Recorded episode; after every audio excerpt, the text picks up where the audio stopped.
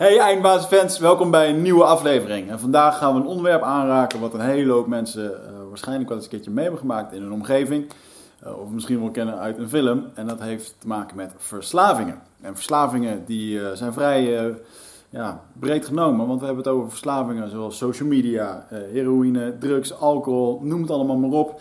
En ja, als iemand helemaal in een verslaving zit, dan is dat best wel een proces.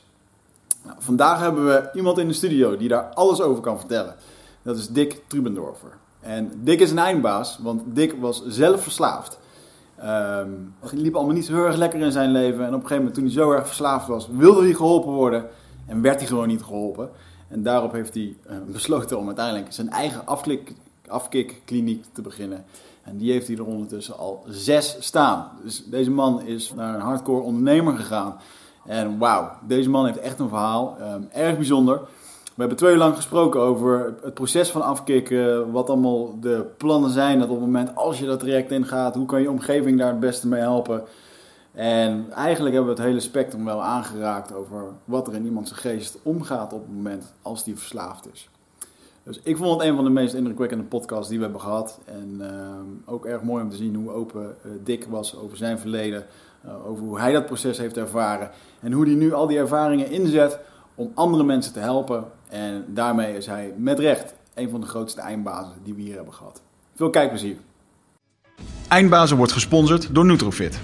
De webshop voor natuurlijke voedingssupplementen en trainingsmaterialen die je helpen bij het verkrijgen van Total Human Optimization. Nutrofit is hofleverancier van merken zoals Onnit, Natural Stacks en Bulletproof Coffee. Probeer onze producten zonder risico door onze money back guarantee. Bezoek ons op www.nutrifit.nl. Bestel je voor 9 uur s avonds, dan zorgen wij dat jouw bestelling de volgende dag geleverd wordt.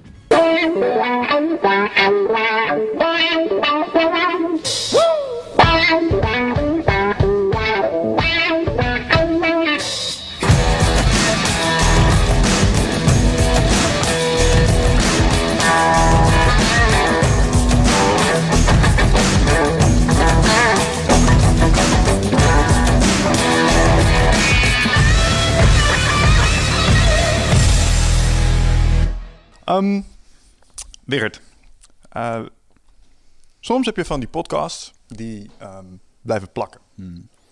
En uh, een van de podcasts uh, die we recentelijk gedaan hebben, waar ik best nog wel vaak over na heb zitten denken, is die van Bob Schrijber. Mm-hmm. En met name wat hij daar vertelde over zijn jeugd en wat hij daar allemaal gezien heeft. Dat, en de heroïneverslaving waar hij over vertelde. Fuck man, dat is echt best wel heftig als je dat als je dat meemaakt, hè, dat is zo'n ver van je bedshow. En, en, ik dacht dat ik wel iets wist van verslaving, omdat mijn moeder alcoholist is geweest. Mhm. Maar als ik dat soort verhalen hoor, dan realiseer ik me dat daar dus ook allerlei gradaties nog dieper in zitten. En ehm, ja, man, ik zat daarover na te denken en ik dacht, misschien moeten we eens een keer daar wat verder de diepte mee. Gewoon eens kijken, wat is verslaving nou eigenlijk echt? En wat zijn de mogelijkheden in Nederland daaromheen? Want wat me met name opviel van Bob zijn verhaal... is dat hij echt niet te spreken was over de verslavingszorg in Nederland. Die was het toen niet, zei hij toch? Ja, dus niet aanwezig. Nou, ik heb zelf ook wel iets van de verslavingszorg in Nederland gezien... Uh, middels mijn moeder. Ook mhm. wel een mening over. Um, maar het is wel een onderwerp wat me fascineert. Uh, en in dat kader hebben wij eens iemand uitgenodigd... die daar echt heel veel van weet... en absoluut een eindbaas is uh, op dat gebied. En dat is Dick Trubendorf. Dick, welkom in de studio. Dankjewel. Um, ja, jij bent wel bekend met, um, met verslaving, uh, helaas zou ik bijna willen zeggen. Ja, ik ben bekend met verslaving, zowel vanuit mijn persoonlijke wordingsgeschiedenis als vanuit veel later dan weer uh, het feit dat ik het initiatief heb genomen om in Nederland een uh, verslavingskliniek op te zetten. Uh, met veel succes. Dat zijn er inmiddels zes geworden al in Nederland. Wauw. Uh, we behandelen meer dan duizend cliënten op jaarbasis. En er werken nu 150 mensen binnen die organisatie. Psychologen, artsen, psychiaters, et cetera, et cetera. Dus een groot succes geworden. Ja, en um, nou, zes van die klinieken, dat is niet niets. Um, doen jullie in die klinieken dingen echt beduidend anders als de normale verslavingszorg? Uh, ja, uh, dat is ook de insteek geweest dat ik uh, destijds initiatief heb genomen om ze op te richten. Mm je vertelde net over Bob Schrijber, over hoe die, ik heb, die is ongeveer van mijn generatie. Ik denk dat hij ook in de 50 is, 51 mm -hmm. of zo. Net, ja. ja. En je vertelde dat hij beroep had gedaan op de verslavingshulpverlening, dat hij er niet tevreden over was. Eh, nou, ik eh, heb hetzelfde verhaal. Ik eh, ben in Amsterdam opgenomen geweest bij de Jellinek destijds. Bij de? Ik zal bij de Jellinek. Oké. En ik heb daar toen drie maanden intern gezeten. Dat zal zijn geweest in 89. En ik was toen 27. Ja, maar kijk, een Bob was 12 toen hij Mm. dit had. Ja. Er zit er nog wel even wat tussen. Maar goed, eh, je had in ieder geval een Jellinek al. Dat bestond, bestaat dat al lang, de Jellinek? Want dat is nu... ja, dat is Lig mij even in, wat is een. Jellyneck? Eh, Jullie kennen de Jellinek niet? Nou, ik wel, niet. ik wel. Nou, dat is, dat is historisch. Dat is, dat is eh, ja, in Amsterdam een groot begrip. Ja. Eh, Ik ben een provinciale, dus vandaar. bestaat heel lang. Eh, en, en de meningen zijn erover verdeeld of het eh, goede verslavingshulpverlening is. Mhm. Eh, maar in ieder geval, eh, wij ontlenen ons bestaansrecht uit het feit dat mensen dus niet tevreden zijn en waren over de Jellinek. Mhm. Eh, waaronder ik zelf dan. Oké, ja. Ik heb er drie maanden gezeten en eh, zonder eh, resultaat. En toen moest ik nog een keer drie maanden van ze daar blijven. Dat was het advies. Dat heb ik nog twee maanden volgehouden, bij elkaar vijf maanden. Mhm. En eh, ik ben er toen niks mee opgeschoten. Dus dat was wel heel demoraliserend. Hm. Ben toen ook teruggevallen. Ja. En uiteindelijk, eh, in het diepste van een terugval, ben ik eh, gebeld door een vriendje van mij in Miami. En die zei, joh, kom hier naartoe. Ik ken een jongen die is een jaar clean. Hm. Eh, wij gaan je helpen hier. En toen ben ik naar Miami gevlogen. Dat wil zeggen, ik ben op het vliegtuig gezet door mijn toenmalige vriendin. En ik ben een jaar weggebleven. Ik ben een jaar in Amerika geweest. En daar ben ik in contact gekomen met hulpverlening die hielp. Mhm. En dat ben ik later zelf weer in Nederland gaan introduceren, implementeren. Ja. Wat was daar eh, significant anders dan hier? Eh, A, de theoretische kennis over wat verslaving is. En B, ook eh, de manier van hulpverlening. In het kort, want misschien wil je een samenvatting van die twee punten horen. Waarom dat A, het inzicht beter is daar. En B, waarom de hulpverlening beter is daar. Eh, het inzicht is in, in, in, in wat verslaving is, is, is completer in Amerika. Die zien het als een zogenaamde threefold disease, een drievoudige ziekte die zich voltrekt op lichamelijk, geestelijk en spiritueel gebied. En het ziekteconcept eh, vindt ook zijn oorsprong in Amerika. In eh, eh, Nederland en West-Europa hebben we dat een tijd lang toch nog iets anders gezien. En de hulpverlening in Amerika die is veel meer gericht op, op herstel, op het activeren van je autonomie. Eh, je bent zelf verantwoordelijk om er wat aan te doen. Ja. Eh, je wordt niet gepamperd, je wordt niet in een bedje gelegd met, met therapeuten eromheen. Je bent niet zielig. Eh, het is vervelend dat je verslavingsgenen hebt. Maar je hebt wel een verantwoordelijkheid om je herstel te halen. En dat doe je door bijvoorbeeld heel veel naar zelfhulpgroepen te gaan. Ja, ja, dat is voor de meesten dan alweer een station te ver. Want die zitten liever met een kop koffie te praten met een therapeut. Ja. Ja, en om nou zelf naar zo'n zelfhulpgroep te gaan, ja, dat is ook een stuk minder glamoureus. En dan moet je het zelf doen. En, en, en daar haken al heel veel mensen af. Hè. Dat, dat is wat je in de film ziet van de zogenoemde AA-meetings, waar je zegt, eh, Ja. ik ben weer het en I'm an alcoholic. Ja. En eh, dat je toegeeft, dat soort dingen. Ja, Hi, ik ben dik, ik ben verslaafd. Ja. Zo. Wat is daar de achterliggende gedachte van, dat men dat moet zeggen? Is dat een stuk eh, accepteren?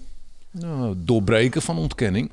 Doorbreken van ontkenning. Eh, ontkenning is een, eh, een, een heel groot bestanddeel van verslaving. Eh, mensen die verslaafd zijn, die weten vaak niet dat ze verslaafd zijn. Ja. Die zullen het ook ontkennen. Die zullen het goed praten, die zullen het rationaliseren, die zullen het, eh, ja, in ieder geval niet snel erkennen. Hmm. Ja, is dat eh, in retrospect ook eh, de grootste hindernis geweest die jij te overwinnen had in de weg naar je herstel? Het toegeven ervan? Want ja, misschien kun je iets vertellen over hoe je leven eruit zag en hoe dat eruit is gaan zien. En uiteindelijk dacht je waarschijnlijk van, oké, dit is dus echt niet. Ik ben Ik orde. ben geboren in Amsterdam-West. Ja. Eh, opgegroeid in Amsterdam-West, moet ik zeggen. Want ik ben geboren in de Spandammerbuurt op een halve woning. Mijn moeder was 17 en mijn vader die was 10 jaar ouder. En eh, ja, waren in feite waren het... eh, mijn moeder was sowieso nog een kind. Mhm. Ja. En mijn vader, dat was toen al een, eh, een, een drinker. Later is mijn moeder ook mee gaan doen. Dus dat waren twee alcoholisten in mijn optiek. Ja. En ehm, na mij kwam nog een zusje. En twee jaar na mij kwam een zusje. En, en zes jaar later kwam mijn broertje. Ja, dat was toch wel een, eh, wat ze noemen een dysfunctioneel gezin. Eh, geen probleemoplossend vermogen, geen eh, grote capaciteit voor eh, intimiteit. Ehm, conflictresolutie was eh, een, een klap in je gezicht, zeg maar. Ja, nou, dat Bob ook. Ja, ja. Dat, eh, Ja. Dus dat niveau. En eh, toen ik eh jaar of 13, 14 was in de puberteit, dan word je van jongen word je een man. Ja, ik was dubbel aan het zoeken. Ik was niet alleen aan het veranderen, maar ik had ook geen informatie meegekregen. Dus het was, eh, was wel een verwarrende periode. Ehm, moeilijk. En eh, ja, ik weet nog wel dat ik dronk op mijn 14 of op mijn 13. En eh, ja, dat voelde wel heel goed. alcohol. Ik me- oh, het was alcohol toen, ja. Kwam je eraan? Wat zeg Gewoon, je? gewoon vanuit huis gehad of zo? Nou, mijn neefje gaf toen een feestje. Die was wat ouder dan mij. En toen ben ik daar langs gegaan. En eh, ja, dat was eh, rum, cola en zo. Ik vond het geweldig. Ik Ja. vond het heel lekker smaken. eh, en dat niet alleen. Ik vond het effect vond ik eigenlijk nog lekkerder. Mhm. Ik was niet eenzaam meer. Ik was niet...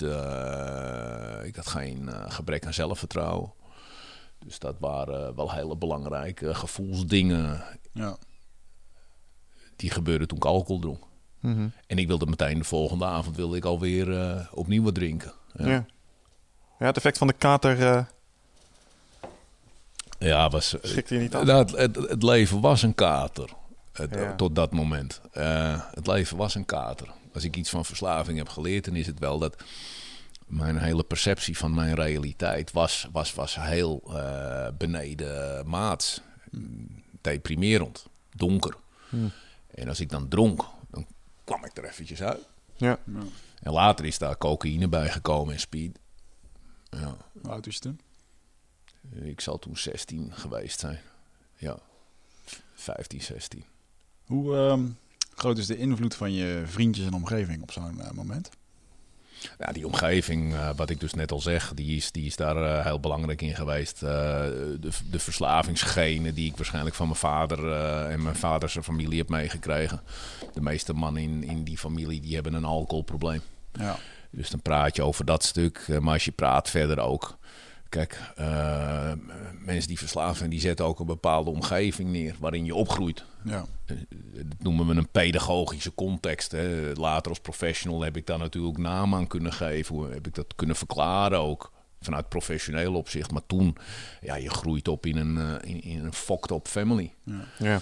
Maar creëer je als verslaafde zijn op een gegeven moment ook niet de omgeving waar je lekker juist verslaafd kan blijven? Zodat je, ja, want je wil niet geconfronteerd worden met je slechte kant. Dus je zoekt automatisch denk ik naar omgevingen en naar mensen waarbij je dit kan eh, doen. Ja, tuurlijk, tuurlijk, tuurlijk. Kijk, toen ik eenmaal dat ontdekt had, dat alcohol eh, lekker was en dat cocaïne lekker was, eh, toen heb ik mijn hele leven erop ingesteld. Ja. Om, om, om zo vaak mogelijk te drinken en, en, en, en te kunnen koken, kunnen gebruiken. Tuurlijk. Ja. Dat betekent in de praktijk dat ik op mijn... Ik was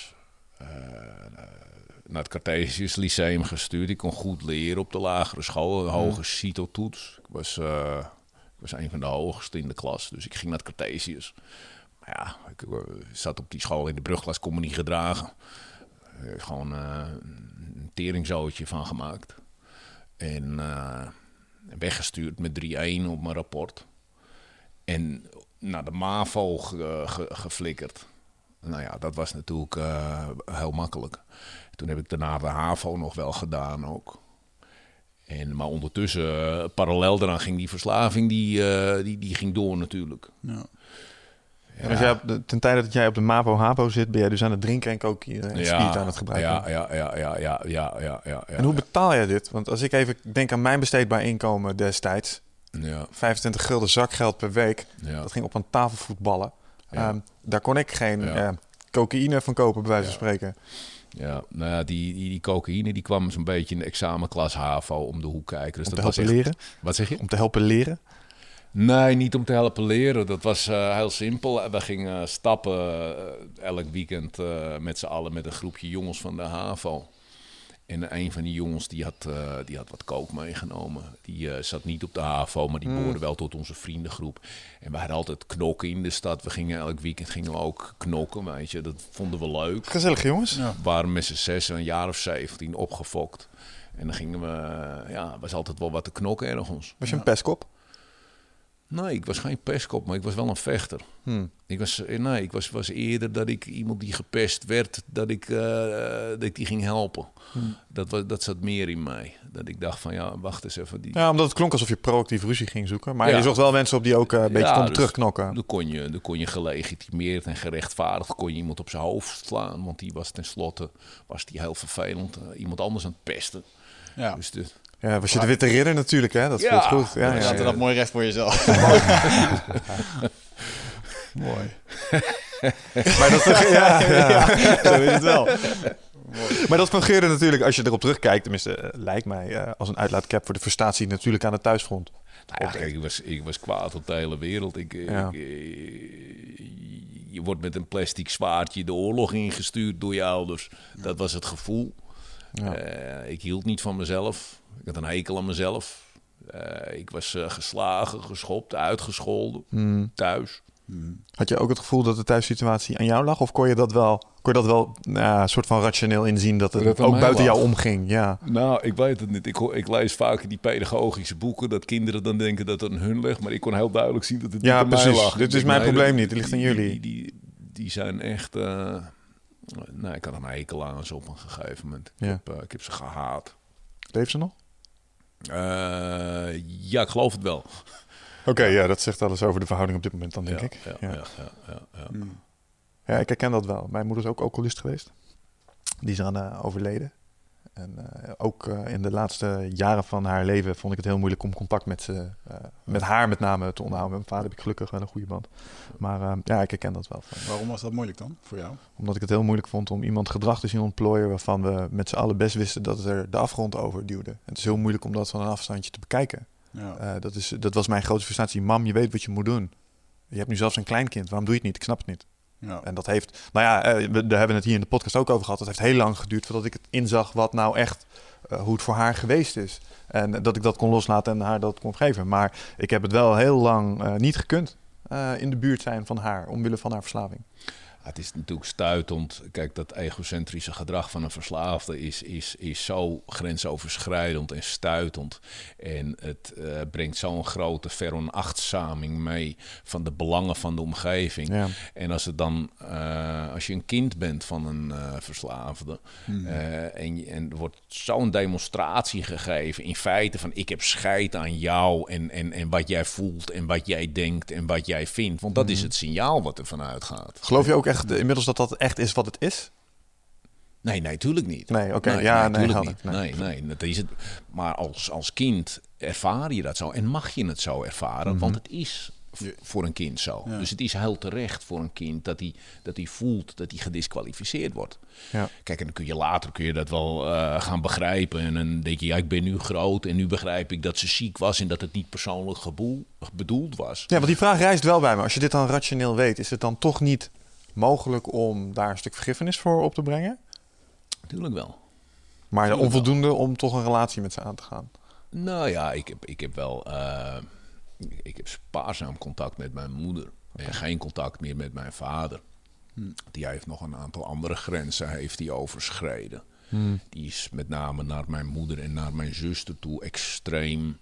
Eh, wat ze abusive noemen. eh, Grensoverschrijdend geweest, laat ik het zo eh, uitdrukken. En ja, die heb ik. De winst in mijn leven is dat ik die niet met een honkbalknuppel eh, het raam uit heb Ja. geslagen. Ja, Ja. ja. Dat is, dat is de, de grootste winst in mijn leven. Ja. Want dat was wel kantje boord. Daar, daar zaten we bijna. Ja, dat is heel raar. Tegenover je ouders staan en ze naar het leven staan. Dat is echt... eh, Ja. ja. ja. Hmm. Als je dan kijkt naar, ehm, eh, want jij bijvoorbeeld met je moeder, hè? Hmm. dat jouw moeder alcoholist was, kon ze niks aan doen, eigenlijk, want ja, dat gebeurt. En bij jou drukt het op een knop van, eh, hey, get your shit together, dat kan je niet doen. Maar eigenlijk is het gewoon je eigen projectie van, maar ik wil niet alleen achterblijven. eh, doe er wat aan, weet je wel. Het is jouw eigen onvermogen dat je er niks aan kan doen. Ja, ja, ja, ja. Je wil mensen ehm, een kant op duwen die ze niet opkrijgt. En Ja. eh, daar frustreer je je over. En eh, wat ik nu achteraf snap is dat het haar werk was en niet mijn werk. Maar ik heb me altijd aangetrokken dat ik dacht dat het mijn werk was. Ja. En dat ik het niet voor elkaar kreeg. En dat voelde als een ontzettend falen. Ja. En dat was de grote frustratie daar. En dat is wat ik destijds heb leren los te laten door te snappen dat het mijn werk niet was. Mhm. Eh, en dat, dat zij het werk niet in de eentje aankomt. Nou wil ik dit verhaal even omdraaien naar Dick. Want eh, jij bent nu, als het ware, degene die met een verslaafde zit. En jij bekijkt het uit, jij kan het zien vanuit de ogen van een verslaafde. Hoe kijkt een verslaafde hier naar, naar zijn omgeving? Met dit soort verhalen? Met dit soort Eh, vergelijkingen? Iets concreter stellen. Nou, als mensen nu bijvoorbeeld bij jou in de kliniek komen en eh, die zitten in een bepaald eh, ehm, sociaal patroon, die zijn verslaafd. Hoe kijken die naar hun zoon of naar hun omgeving met hun verslaving? Zijn er verschillende stadia in? Van, ik kan me voorstellen dat heel veel verslaafden in de slachtofferrol zitten, want daarom blijven ze misschien ook verslaafd. Misschien zit er een volgend stadia waarbij ze gaan kijken van oké, ja, ik ben wel echt mijn eigen omgeving nu aan het verpesten. Hoe, hoe gaat dat in zijn algemeen? Ja, wat ik denk, kijk, kijk, de tragiek van verslaving is dat het is heel dubbel. Eh aan de ene kant degene die door verslaving wordt getroffen, die heeft er niet om gevraagd en die kan er niks aan doen. Mhm. Dat is, dat is een gegeven, dat is een feit. Aan de andere kant, de impact en het effect wat hij heeft op zijn omgeving, die is ook reëel. Op, op je kinderen, Ja. eh, op je partner. En die mensen lopen real-time schade op. Vaak tot het niveau dat ze zelf ook eh, problemen ontwikkelen en scheef groeien. Dus je ziet in feite zie je een kettingreactie ontstaan van mensen die, die gebukt gaan onder, onder psychopathologie, als je het zo wil noemen, of onder geestelijke problemen. Het is eigenlijk een soort van erfzonde. Je wordt ermee mee opgezadeld. Ja. En, en de tragiek is dus nogmaals dat je, je hebt er niet om gevraagd, je hebt het niet gewild. Ik ben eh, zelf verslaafd geweest en eh, ik durf te zeggen dat mijn partner en mijn dochter daar enorm onder geleden hebben. Ja. Eh, nu ben ik eh, clean alweer een hele lange tijd. Eh, maar ik draag dat nog steeds met me mee. Ik ga er niet gebukt onder in de zin van dat ik krom loop. Mhm. Maar ik draag het nog steeds met me mee. Ik bedoel, vergeet dat niet meer. Dan Ja. kun je zeggen van ja, maar Dick, je hebt net gezegd van je hebt toch niet gevraagd om die verslaving. Dat klopt. Maar het is toch real-time gebeurd dat ik in mijn leven tekort ben geschoten in relaties met mijn partner en met mijn dochter. Ja, je hebt littekens eh, achtergelaten. Je hebt littekens achtergelaten. En, en ja, dan moet je naar beste vermogen. Kijk, je kan dan twee dingen doen. Je kan dan doorgaan met je gedrag en dan ga je je dubbel verdoven. Dan pak je de heroïnespuit er ook maar bij. En dan ga Ja. je, eh, dan ga je maar een beetje plunderen en moorden. Hè? Dan ga je eh, met, met de vlam in de pijp ga je dan... Dat, dat, dat kan een reactie zijn. Nog sterker, veel mensen reageren zo. Die gaan door met acting. Of je zegt van nou, hier trek ik een lijn, hier stopt het. En dan begin je met verwerken. Eh, en dat doet heel veel pijn. Ja. Dat doet heel veel pijn. Hoe zit jij met een stukje vergeving naar jezelf toe? Want jij zegt nu net van, joh, ik heb, eh, ben veel tekort geschoten. En, ehm, ehm, is dat iets wat je nu nog steeds... eh, kan je jezelf oprecht in de spiegel aankijken? Dat je, eh, dat je gewoon naar jezelf kan kijken van, joh, ehm, en vroeger hield je ook niet van jezelf. Kan je nu gewoon zeggen, joh, Dick, je bent goed bezig en eh, we gaan ervoor. Iedere Ja, kan ik wel zeggen. Of ik het meen is een Ja, dat, nou oké, dat, dat is de vraag. Dat, dat is de vraag. Ja, dat het? weet ik, dat weet ik, dat weet ik. Ik weet dat het de vraag is. Ik moet er goed over nadenken. Kijk, laat, laat ik je dit zeggen. Ik, heb, ik, ik, ik, ik loop niet over van zelfliefde.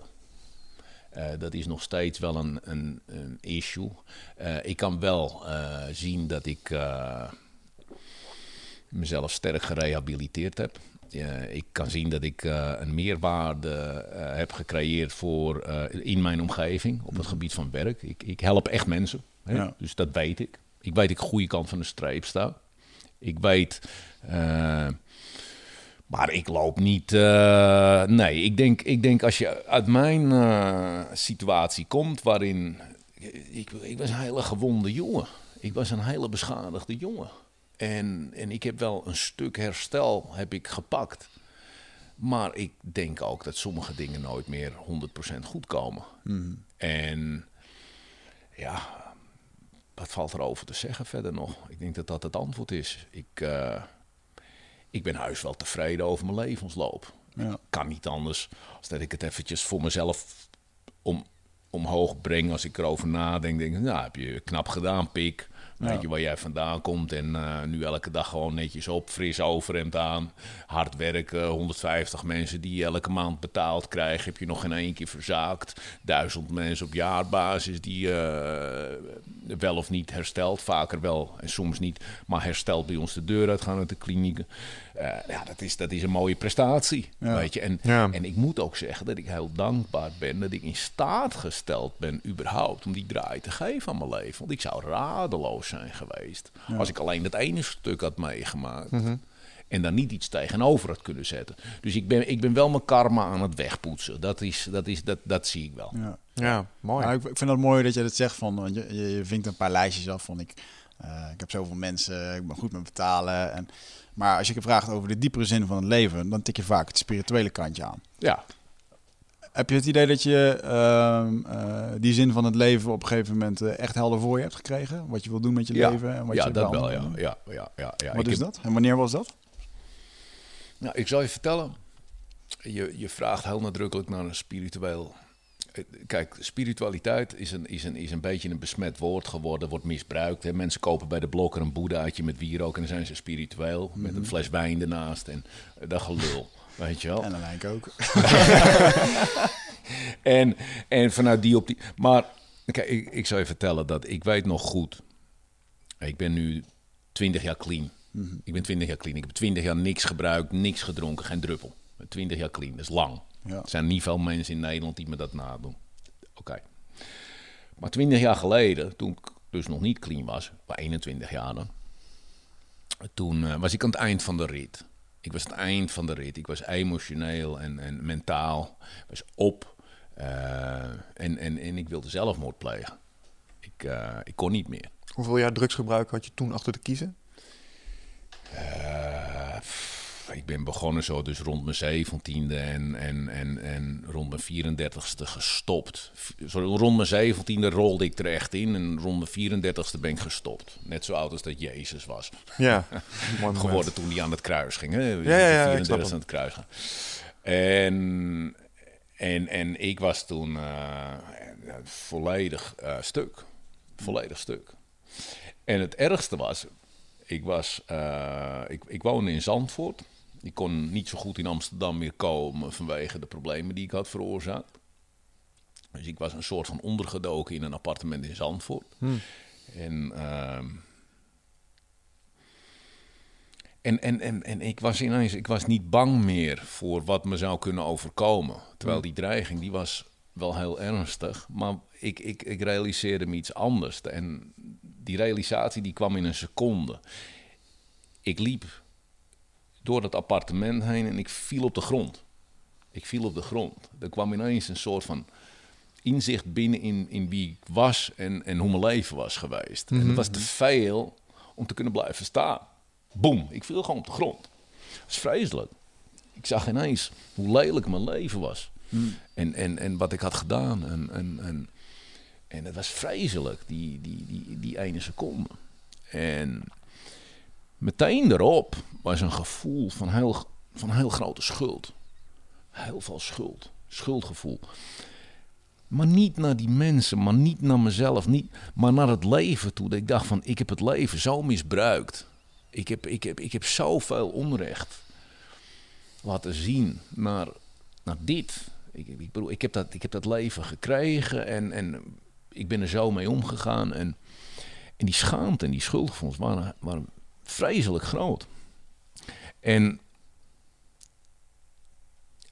maar die waren gericht naar een bepaalde entiteit of zo. Ik, ik, ik, ik, ik begon ook te praten. Ik begon ook te praten en te zeggen van het spijt me. Het spijt me. Naar iets wat ik niet kon zien. Het spijt me echt. En, en, en, en, en, en, en, en het spijt me ook echt. Het spijt me zo diep als het me maar spijten kon. Het was, dat was, was totaal was dat. En ik heb toen ook begrepen op dat moment dat. En ik was ook bereid om, om te stoppen met leven. Hè. Dat, dat was mijn deal. Ik, ik ging door met dat gesprek. Met iets wat ik niet kon zien. Van, weet je, weet je ik, heb het, ik heb het verbruikt. Als de stekker eruit moet, dan moet hij eruit. Dan is het nu over. En weet je, dat vind ik ook goed. Ik erken dat ik fout ben geweest. En, maar als ik als ik nog een kans krijg om te leven, dan zal ik nooit meer herhalen wat ik gedaan heb. Dat was mijn, mijn heilige afspraak. Dat was een heilige afspraak met iets wat ik niet kon zien.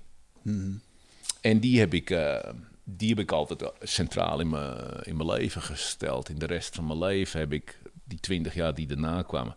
Ik gebruik niet. Ik pak die eerste niet. Ik eh,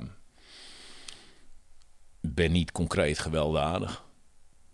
Ik eh, val mensen niet lastig of ik probeer niet mijn zin eh, tegen elke prijs door te drammen. Ik, ik was een hele lastige, vervelende jongen in die periode toen ik gebruikte. Ik was echt een, een, een naar figuur. En, en, en ja, dat is, dat, is, dat is in de eerste 1, 2, 3 jaar is dat wel een, eh, een heel een extreem pijnlijk emotioneel proces geweest. Maar het werd steeds beter. En tot mijn grote verbazing kreeg ik op een gegeven moment weer grond onder voeten. En ik begon weer helder te zien. En ik begon dingen te begrijpen. En ik kon bouwen. En, en er was een fundament. En er kwam een huis. En, en, en ja, weet je, en vandaag de dag ben ik toch een andere man. Ben Ja. een heel andere man geworden. Ja, want eh, als je dat contrast echt wil begrijpen, dan moeten we misschien ook even iets meer ehm, de diepte in als het gaat waarom je in godsnaam in Zandvoort moet onderduiken. Ehm, want je hebt natuurlijk ook wel, eh, nou je kent beide kanten van de maatschappij, zullen we zeggen, behoorlijk goed ook de onderbuik. Ehm, en dat contrast is denk ik eh, heel erg groot. Maar ja, wat, je hoeft, we hebben van tevoren even besproken, we hoeven niet al te veel te saillante details te bespreken. Maar eh, kun je een kleine indruk geven van hoe je bestaan er op dat moment uitzag? Nou ja, ik was een fitte jongen en ik was zo gek als een deur. En, en ik werd veel ingezet voor protectiewerk. Ja, dat is nog wel even een heel klein zijsprongetje. Fitte jongen, jij, bent ook, eh, jij was een vechtsporter. Top. Ik eh, heb gejudo'd, eh, een beetje gekickboxd, eh, Ja. maar vooral veel gejudo'd. Ja. Ja. Grondwerk. Ik, kon- ik, kon me goed, eh, ik kon me goed redden, ik kon goed uit de voeten, ja. Ja, judoka's zijn ook vaak sterke jongens. Dus, Ja, Nou, ja, als ja, iemand ja. met een schouderworp op de tegels gooit, doet vaak meer schade dan een stomp op zijn neus. Dat is wel klaar, ja. Ja, nou, ik, kon, ik kon goed uit de voeten en ik, was, ik was, bleef wel altijd trainen. En, eh, maar ja, Ook ik- tijdens je verslaving heb je gewoon doorgetraind. Ja, tijdens mijn verslaving. Ik, zei, ik zag er goed uit tijdens mijn verslaving. Hè. Ik was een leuke jongen om te zien. Eh, ik zat goed in de kleren. Ik had een dure auto onder mijn kont. Dat helpt. En eh, ik had meestal wel een leuke chick naast me. En eh, dus aan de buitenkant eh, was, er, eh, was er niet veel verkeerd. Nou, ik, ik ben nooit... Ik, kijk, ik, als je praat over, over verslaafd... Ik ben nooit die junk geweest die onder een brug sliep. Ik ben niet junk geweest die altijd... eh, nou, die een beetje eruit ziet zoals ik er nu uitzie. Alleen van binnen hier helemaal verrot. Ja, ja, ja. ja. Ja. Ja, dat is denk ik wel een ding. Ik, sterker nog, ik heb het afgelopen jaar met vrienden van mij meegemaakt. Waar iemand in één keer eh, ja, op de prop kwam van, joh, ik heb een verslaving. Dat ik echt dacht van, Oh. komt in één keer dichtbij, weet je wel. Aha. Ik heb ook wel vrienden gehad. eh, eh, dat zie je wel, dat proces wat vroeger op de MAVO wat een beetje begon met blowen en doen. En op een gegeven moment begon er eentje spier te gebruiken. En ja, dan kijk je vijf jaar later naar iemand en dan zit die jongen gewoon compleet aan de grond. Dus je Mhm. ziet dat proces wel gewoon geleidelijk bij sommigen eh, sommigen gebeuren. Ja. Ehm, wat voor mensen komen er bij jou in de kliniek? Ja, wacht even. We hadden het eerst nog even over het contrast eh, tussen de onderwereld precies. en eh, waar die nu zat. Laten we daar even terug naar gaan. Ja, Dan, maar eh, ja, je was een fitte jongen en dat zorgde dus voor dat jij bepaalde klusjes kon krijgen of zo. Ja, je hebt vastgoedwereld in Amsterdam. Historisch zit aan een verwevenheid tussen onderwereld en bovenwereld. Mm. En eh, daar ging veel geld in om. Eh, en daar ging veel drugs in om en prostitutie. En de- die hele hoek, dat was, dat was een toch een beetje schimmige hoek. Of een beetje schimmig hoek. Daar zit gewoon een schimmig, schimmige ja. dimensie aan vast. En ja, het gaat om geld en het gaat om belang. En ja, daar werden mensen bedreigd en daar werden mensen ook eh, omgelegd.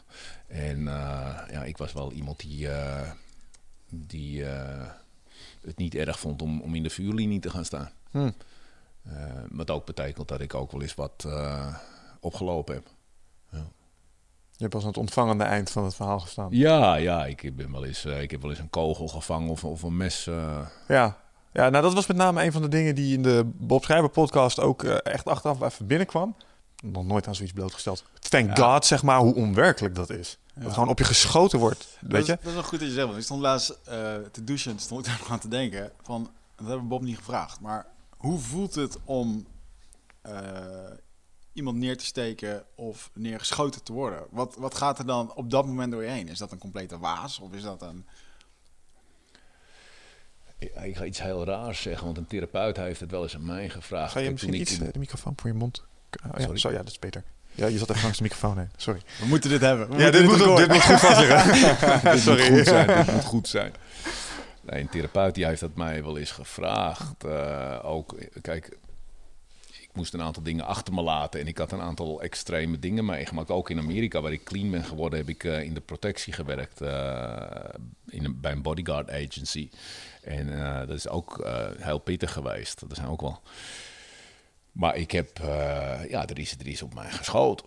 En ik ben ook wel eens geraakt. Hoe, hoe is dat? Als, je, als je het leest in de krant, is het heel eng. En, maar als je het meemaakt, is het eigenlijk helemaal niet eng. Eh, je leeft heel erg op dat moment. Het is, je krijgt een waanzinnige adrenaline rush. En het is totaal niet eng. Je voelt het niet. Ik denk vergelijkbaar met wat bergbeklimmers hebben als ze eh 10 meter naar beneden zeilen van een rotswand. Ja, als je erover na gaat denken, wordt het eng. Ja. Op het moment dat het gebeurt. Geen tijd voor. Nee, nee, nee. Oké. Nee. Maar zo'n, eh, dan, dus een, maar pijn of achteraf pas? Nee, ook niet. Een, eh, een schotwond doet geen pijn, een steekwond wel. Oké, Een steekwond is, eh, is zei hij als ervaringsdeskundige. veel pijnlijker. Ja, ja. Wauw. We hebben hier een mes. nee, gast. Nee, dus als je, als, je, als je iemand eh, vriendelijk wil aanpakken, dan eh, niet met een mes alsjeblieft. Nee. Nee, oké. he- Helder verhaal. Oh, man. Ja, maar dat is wat ik bedoel, weet je wel. Als je, als je met beide voeten in zo'n werkelijkheid hebt verkeerd... en zeg maar, je, je praat daarover... en je hebt het zelf nog nooit aan de lijve ondervonden... je kan het denk ik gewoon echt niet plaatsen. En eh, ik kan me voorstellen, eh, achteraf, toen je erover na begon te denken... ehm, ik neem aan dat je dan ook wel boos of heel erg bang... of heel erg gefrustreerd wordt. Of valt dat mee? Ja, ook dat viel wel mee. Het past allemaal binnen het denkkader wat ik toen had. Ik, eh, ik heb daar, wat ik al zeg, die keer dat ik op de grond viel en dat alles binnenkwam, toen kwam alles in één keer binnen. Ja, Eh, dan krijg je de hele optelsom van tien jaar eh, gekkigheid, die krijg je in één keer op je bord. Ja. ja. Kun je het niet meer ontkennen. Wat voor een, eh, verdedigingsmechanismes had je daarvoor in je hoofd zitten? Als je er achteraf op terugkijkt, hoe rationaliseerde je zoiets voor jezelf? Nou ja, niet veel anders dan dat andere mensen het doen. Kijk, we rationaliseren allemaal tot op zekere hoogte. Je, de meeste mensen hebben een, een, een, leven eh, wat, wat, wat, wat, wat redelijk eh, vol zit met frustratie. Hè? En ik kom ook heel veel mensen tegen van, van mijn leeftijd, van mijn generatie. Het leven heeft ze niet gebracht eh, wat ze ervan hoopten te krijgen. En, en, en die zijn gefrustreerd. En toch weten mensen altijd wel weer de boel een beetje recht te praten voor zichzelf. Van, nou, het valt wel mee. En eh, ik heb Tuurlijk. dit. Dus, dus ja, hoe, rationaliseer je dat? Eh, dat is geen bewust proces. Dat gaat onbewust. Nee, maar ik neem toch aan, ik probeer me dat dan voor te stellen. En dan zit je daar op een gegeven moment, ik, ik weet niet hoe dat dan gaat. Je bent neergeschoten, misschien zit je in een auto, misschien lig je in een ambulance. Later ergens lig je bij te komen met die wond en denk je... Jezus Christus man, ik was, dit had twee centimeter en de rest was dood geweest, bij wijze van spreken. Zijn er niet van dat soort momenten van reflectie? En hoe zet je jezelf er dan toch weer toe aan om naar zo'n klus te gaan? Weet je, dan, dan moet er ergens een gedachteproces zijn waar jij tegen jezelf zegt, ah, maar dit komt wel goed. Is dat een complete zelfoverschatting of eh, de gevaren voor jezelf eh, wegpraten? Hoe Nee, werkt zoiets? gewoon vinden dat het bij je leven hoort en dat het goed is. Acceptabel risico. Ja, ja, ja. Ik, ik, ik, kijk, ik kom uit een familie met, met, met wat bij- bij de mannen meestal alcoholisten waren. En, en eh, vaak vrouwen die, die wat hysterisch waren, beetje, beetje, beetje, ook een beetje wacko. En daar hoort een bepaalde magismo hoort daarbij. Wat ik als kind heb meegekregen was dat je, je, je huilt niet. Eh, je bent stoer. Eh, dus, dus die uiterlijke presentatie die was voor mij heel belangrijk. En, en hoe ik erover voelde of over dacht, dat was van ondergeschikt belang. Dus alles was erop gericht om zo over te komen. Ja. Daar heb ik een vraag over. Wat vind jij daar achteraf van dat dat machismo dat dat een, eh, een onderdeel was van de cultuur binnen het gezin? Wij hebben een, eenzelfde cultuurelement binnen het gezin. Ik heb mijn vader op de uitvaart van zijn moeder niet zien huilen. Die was alleen maar de familie aan het troosten, zeg maar. En Ja. de, de andere broers net zo. En er werd min of meer impliciet hetzelfde van mij verwacht. Ja. Het ik op de uitvaart van mijn eigen moeder. Voelde ik dat een soort van wel, me achteraf verteld, was niet nodig geweest. Maar toch zit het erin. En achteraf denk ik wel eens, ja, wat een poser gedrag eigenlijk. Maar ergens vind ik het ook wel zijn charme hebben. Hoe zie jij dat? Ja, precies zoals jij. Het is, het is, eigenlijk is het, is het heel, eh, helemaal niet goed, maar het heeft ook wel zijn charme in de zin van... het appelleert aan, aan een bepaalde etiketten die wij als familie hadden. Eh, zo kom je naar buiten, zo doe je dat. Eh, en weet je, het geeft ook een bepaalde vastigheid. Maar het, Ja, eh, ja. maar het, is, maar het is super schadelijk. Dat is het hele punt. Ehm, Ja, is het giftig?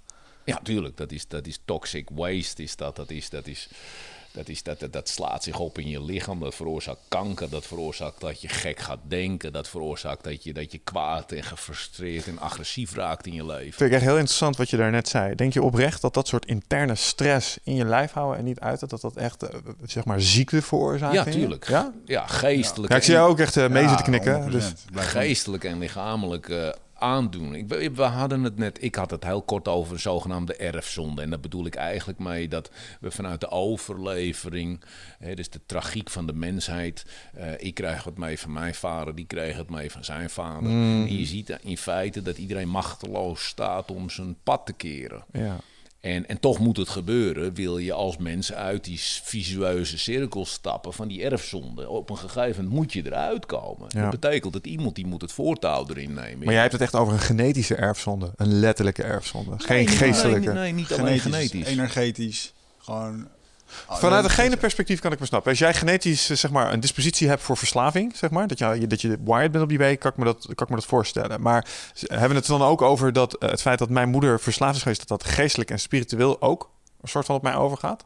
Eh, ja, want het heeft een hele hoop onrust in die familie. Ja, oké, dat snap ik wel. En, Een ander ding is bijvoorbeeld dat je vaak ziet in oorlogen. Hè, dat de oorlog is voorbij, maar opa is doodgeschoten in de oorlog. Dat weet iedereen in de familie. Ja. En iedereen in de familie heeft daar nog steeds een mening over degene die dat destijds heeft gedaan. En dat is iets wat... je hebt het over de oosterburen nu. eh, nee, maar het maakt uit in wat voor. Bijvoorbeeld in de Molukken is dat natuurlijk ook Ja. heel erg een ding... eh, waar mensen nu nog heel, heel erg druk over maken. Maar het is niks persoonlijks naar jullie jongens, die er nu zijn, weet je wel. Ehm, en zo zijn er heel veel van dat soort dingen waarvan ik zeker... eh, ja, uit mijn eigen ervaring wel durf te zeggen dat dingen die in jouw familie zijn gebeurd, of eerder of vroeger, op een of andere manier energetisch Ja. invloed hebben op hoe jij vandaag de dag hier En daarom is eigenlijk het vasthouden daarvan, of het niet ventileren daarvan, omwille van een soort nou ja, verkapte vorm van eh, nou ja, trots misschien, zou je het kunnen zien, is eigenlijk niet zo heel gezond, zeg je. Is. Eigenlijk gewoon niet zo gezond. Als, ik, als we dit verhaal is gewoon, gewoon super slecht. Dat het is niet alleen dat het niet gezond is, het is extreem schadelijk en het heeft hele grote implicaties voor ons als menselijk ras. Het is, dit, dit thema staat aan de basis van waarom het zo slecht met mensen gaat in zijn algemeenheid. Hm. Omdat je, wat ik al zeg, omdat het van eh, de ene generatie op de andere generatie overgeleverd wordt. En eh, ja, dus dat is extreem schadelijk. Ik kan niet anders zeggen. Je ziet het om je heen. En, en je ziet het. Kijk, in, mijn eh, familie was het vrij uitgesproken. Eh, Vrij eh cartoonesk zou je haast kunnen zeggen. Een beetje overdreven haast. Hè? Dus dat, het ligt er zo dik op. Maar je ziet het in een milde variant. Zie je het in 9 van de 10 huishoudens. Hè, die spelen allemaal gezinnetje. Ja. Ja. Met de SUV en de, en, en, en de kleertjes. En de- die spelen allemaal gezinnetje. Ja. Maar is dat niet wat we als mensen gewoon al, al eeuwen doen? Is dat gewoon niet hoe onze maatschappij werkt? Dat horen we toch een soort van doen? is toch een beetje het standaard verloop? Nou ja, maar daar hebben we het over. En wat het standaard geloof is dus niet het goede geloof. We hebben het over. Daar heb, hè, dus als jij zegt het standaard geloof, dat is voor mij dus niet goed genoeg. Dat is dus gebaseerd op een bepaalde toxic waste, bepaalde overtuigingen, bepaalde conditionering die de meeste mensen hebben. Zo niet alle mensen hebben Ja. trouwens. 99% zijn geconditioneerd. Die, denken dat ze vrij zijn. Die, die- die lopen in een tredmolen en ze hebben het niet in de gaten. Maar ze denken dat ze vrij zijn. Ja. En, en, en, en dat is de grote vergissing. eh, eh. Omschrijf die tredmolen eens. En wat voor een tredmolen zit, eh, zit de gemiddelde mens die die, die, die niet ziet bij is dat niet zichzelf? gewoon de standaard opmerking, joh, je begint steeds vaar, je begint, hoe ouder je wordt, je begint steeds meer op je vader te lijken. En dan niet in, Goeie zin. ja, niet in eh, uiterlijke zin, maar gewoon in patronen en dingen die ze toch hetzelfde doen. ja? ja, of bedoel je de red race? Dat je Nou, niet ik- echt aan het nee, doen bent waar je hartstochtelijk over bent? Wat ik of- denk is de, de, de grenzeloze zelfoverschatting van mensen tegenwoordig. Eh, de, de, de hele grote gehechtheid aan, aan, aan, aan hun individualiteit. Eh, die, die doorgeslagen individualisering. Hmm. Die helemaal niet zo individueel is. Want ze willen allemaal dezelfde gescheurde spijkerbroek hebben. Ja, we we zeggen hier wel eens, iedereen is eh, heel bijzonder en speciaal, net als de rest. Ja. Ja. Ja. Allemaal unieke sneeuwvlokjes. Nee, maar ik, je, je, je ziet er heel weinig respect voor het leven en voor, voor de bron van het leven. Ik, ik geloof dat de Noord-Amerikaanse indianenstammen verder ontwikkeld waren in dat opzicht dan wij in onze huidige tijdgeest. Ja. Die hielden rekening met externe factoren zoals de goden en het weer en dit en dat. Wat me dan bij me opkomt is dat wat ik heel erg vind, is dat iedereen vindt het zo vanzelfsprekend. Ja. Dat wat we hier allemaal hebben Ja. en zo. Dat is allemaal heel. Ja. eh, dat hoort toch zo? Nee, dat Ja. hoort helemaal niet zo, Ja. man. Ja. Mensen, mensen die pissig worden als er ergens geen gratis wifi is. Ja. Weet je wel? Hoezo wifi? Dat is een ding van de laatste Ja. vijf jaar. Ja. Weet je? En, en pissig worden als het er niet is. Het is allemaal zo. Ja, nou, dat hoort toch zo? Maar dat is ook allemaal het geluk buiten, eh, buiten het zijn zoeken. Ik bedoel, eh, gewoon gelukkig zijn met jezelf. Betekent niet dat je ongelukkig moet zijn als je geen WhatsApp hebt of je computer. eh, Je zei het net, hè? ehm, zeg maar geen geloof. Of eh, je raakt het onderwerp God even aan. En eh, je had spijt in je moment van inzicht. eh, in iets wat vele malen groter was als jij. Het deed me heel erg denken. God heb ik nog niet genoemd. Nee, dat snap ik. En de reden dat ik het vraag is omdat het mij doet denken aan een verhaal dat op diezelfde stoel verteld is door een jongen die voorganger is in de Pinkstergemeente. En die omschreef een soortgelijk gevoel waarbij hij plots een inzicht kreeg. En dat hij echt snapte: holy shit, ik ben gewoon echt niet waardig. Dit, wat, ik, wat ik hier doe in dit leven. Ook al denk ik dat ik het heel goed doe. Hij wat best wel een proper leven tussen quotes. En zelfs hij had het inzicht af van: ik doe het echt niet goed. Ehm, wat is dat? Wat denk jij wat dat was waar je plots even vandaag van: hey, wie, wie of wat, of wat het ook is wat je, wat je bent. Sorry. Weet je wel? Wat, waar maakte je contact mee? Ik denk dat we, ik denk dat, kijk, wij kunnen ons eigen ontstaan kunnen we niet verklaren. Eh, We zijn voortgekomen uit een bron, of in ieder geval, we weten het niet. En dan kan je eh, beginnen over een verhaal over eiwitjes en structuren en evolutie. En Mhm. Dat zou mijn neiging zijn, ja. dat zou je neiging zijn. Maar waar komen die dan weer vandaan? En, en, en, en de kosmische ordening. En dat zijn vraagstellingen waarop we geen antwoord kunnen geven. Gewoon niet. En dan zie je dat de, onze wetenschap, die pakt een segment van die grote vraagstelling.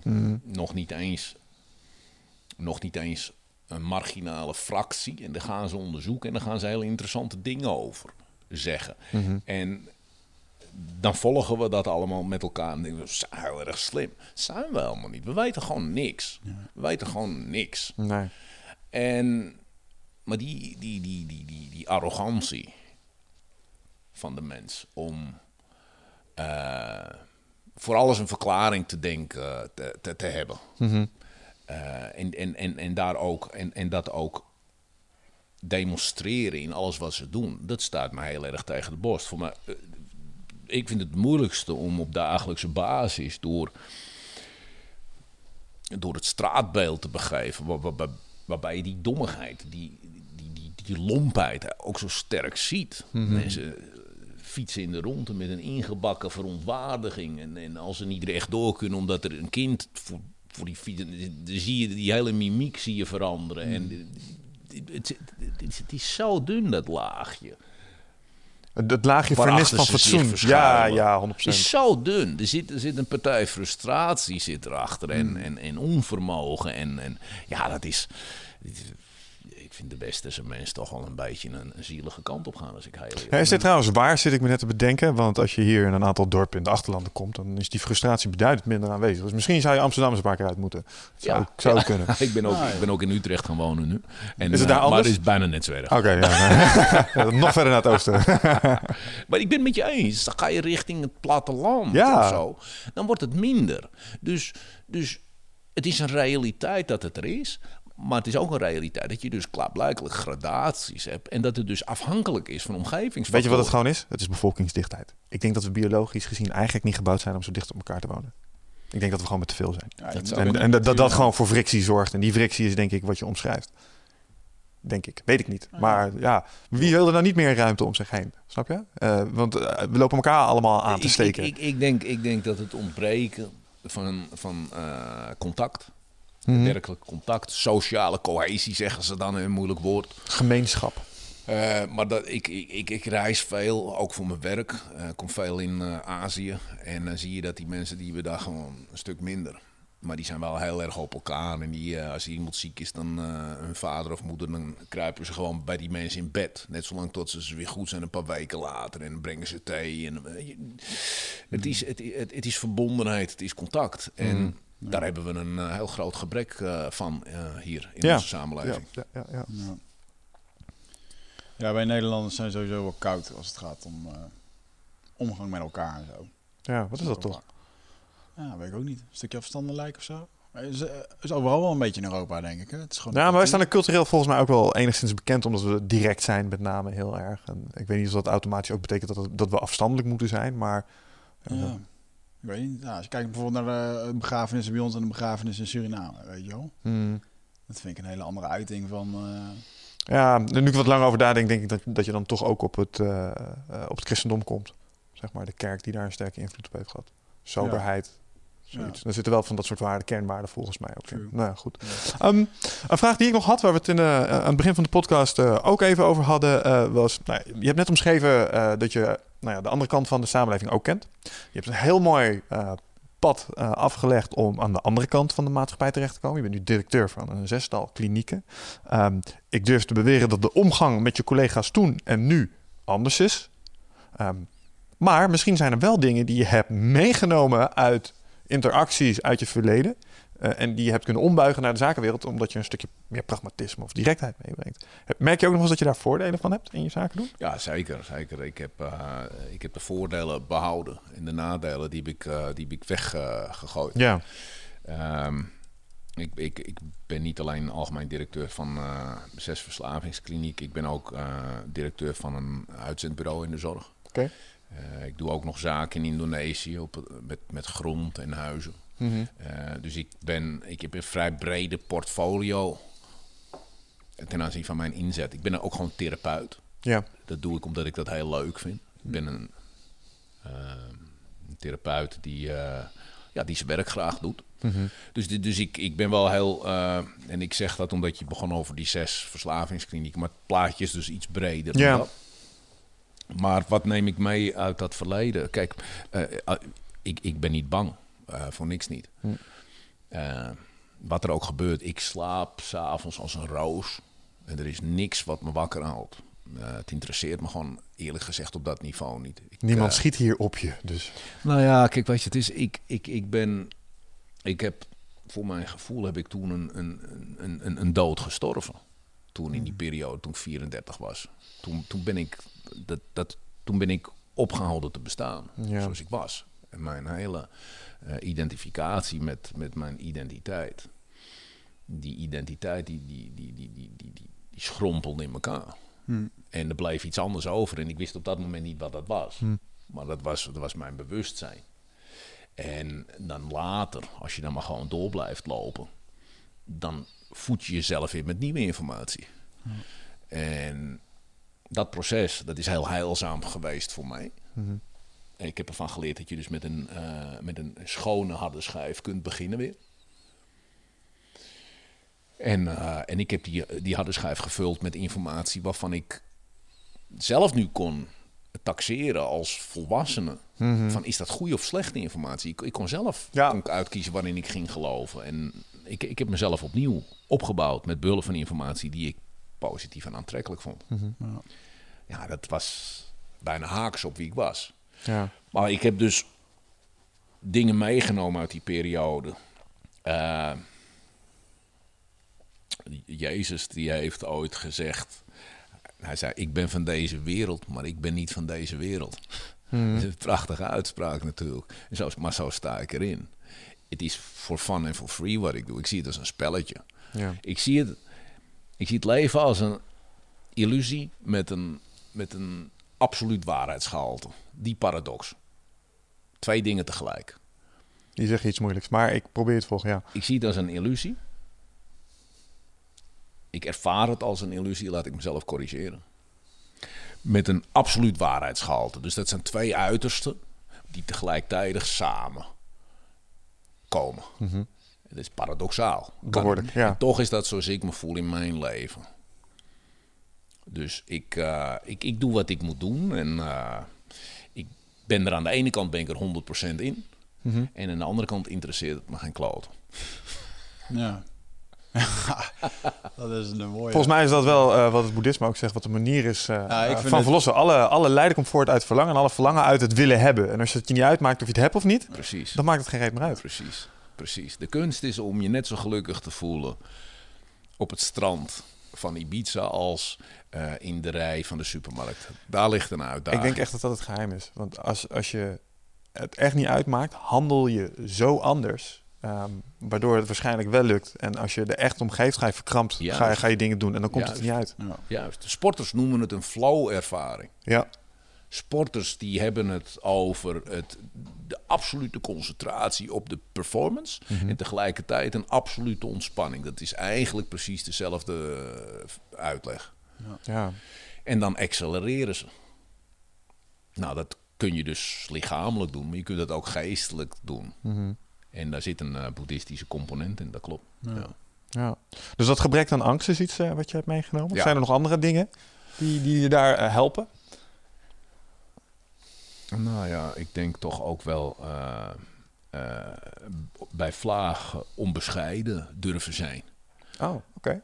We zijn in Nederland snel van. eh, Kijk, weet je wat zo mooi is? Ik, ik ben eh, lid van eh, die LinkedIn-site. Mhm. En het is heel erg bon ton om te praten over hoe je moet delegeren, en zelfsturende teams en het poldermodel en de dialoog. En het is, het is, en tegelijkertijd zie ik ook heel veel egocentrisme toch in, in, in, in de andere agenda, in de geheime agenda. Ja. Dus het is, het is zwaaien met een vlag, maar ten onrechte. En ik denk dat je af en toe gewoon ook moet eh, zeggen van jongens, dit is het. Zo moet die gebeuren volgens mij. En zo gaat die gebeuren. Mhm. En als je het niet bevalt, moet je het nu zeggen. Ja, ik ben ook wel een beetje van die school, maar dat is toch wel... eh, ja, dat vinden mensen lastig. Maar dat vinden mensen last. Ja. En, en vooral in Nederland. Want als je in, in Nederland begint op die manier te praten, dan zijn er altijd al twee. Dan heb je je zin nog niet afgemaakt. Of dan steken er al twee hun vingers op. En die zeggen: Ja, maar. Ja, ja, Dat is, eh, klopt. Ik heb een jaar in eh, Australië gewerkt op een bedrijf in Sydney. En eh, toen was ik jong, 22, 23. Ja. Toen kwam ik daar en ik was verbaasd over wat voor rollenvloer dat het daar was. Super hiërarchisch, waarbij de baas gewoon vertelde wat ik moest doen. Iedereen zat zijn dingen te doen, er kon niks gezegd worden. En ik kwam daar in een week één, had ik echt al drie mensen over de zeik dat ik zo direct was. En dat kon je niet doen, want je was nog maar net. En ik dacht zo, yo, dit is echt gewoon... eh, Oké. Dit doen we in Nederland zo, weet je. Ja. En eh, ja, was een hele andere manier van werken. hoe, hoe is dat toen verder gegaan? Heb jij, ben jij aangepast of eh, is de omgeving helemaal veranderd naar het mo- Nederlands model? Het mooie was dat de eigenaar van de toko, eh, die vond het mooi. Die vond het grappig, want er was in één keer een pit in het, eh, in het bedrijf. Mhm. Wat hij echt zo van, man, fuck up, weet je wel, tegen Ja. iedereen. En voor de anderen was het heel, eh, was dat heel confronterend. Want dan, ehm, eh, ja, dan komt er in één keer de new guy die dan in één keer dat wel durft te zeggen wat iedereen denkt. Dat zat gewoon niet in hun systeem.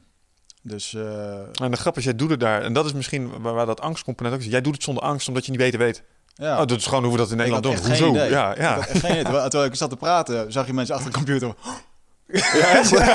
maar wat zei je dan? Wat ja, echt niet nee, kon? nee, gewoon direct. Als ik gewoon zei van, joh, ik vind het niet oké, ik zou het anders doen. Of eh, kunnen we dit of dat niet doen? Gewoon zelf dingen aandragen. Het was allemaal heel erg reactief. En eh, Hmm, ja, Oké. een mooie ervaring was dat. Ja.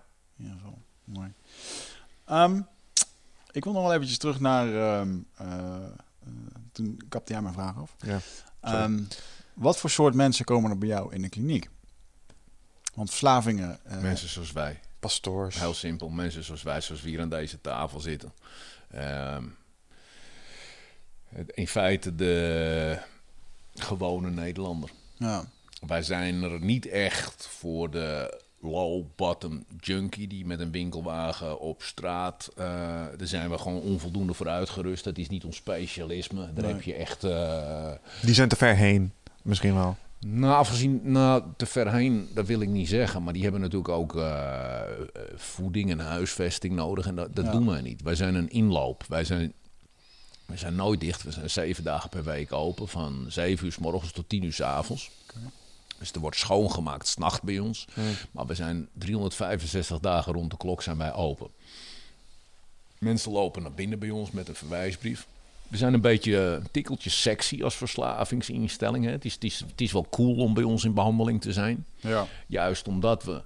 eh, ja, we zijn... Ja, zijn wel een statussymbool in de, de BN'ers, eh in de BN'ers zien. Ja, we hebben BN'ers ook binnen. Eh, maar daar gaat het niet om. Het, het, het gaat erom dat de gewone Nederlander gewoon op een gegeven moment... Kijk, in Amerika, ik ben, ik ben zelf clean geworden in Amerika. Hm. En als je daar op je cv niet kunt vermelden dat je een keer een faillissement hebt gehad, word je als ondernemer niet serieus genomen. En als je een alcoholverslaving hebt, dan staat het op je eh, cv. I'm three years clean and sober. Staat op je cv. The fuck? Is Ja, een pre. Ja, is een pre. Oh ja, want je hebt, eh, je hebt weerstand gekend en overwonnen. Je hebt weerstand gekend en overwonnen. En eh, naar die situatie moeten we ook toe in Nederland. Dat mensen die dingen hebben overwonnen, dat je die eh, wat credit geeft. Hè? Dus, dus, dus, dus, dus, en ik hoop ook natuurlijk een klein beetje stiekem met mijn verhaal een lans te breken voor al die mensen die na mij nog moeten komen. Vraag, heb jij zelf eh, ex-verslaafden in dienst?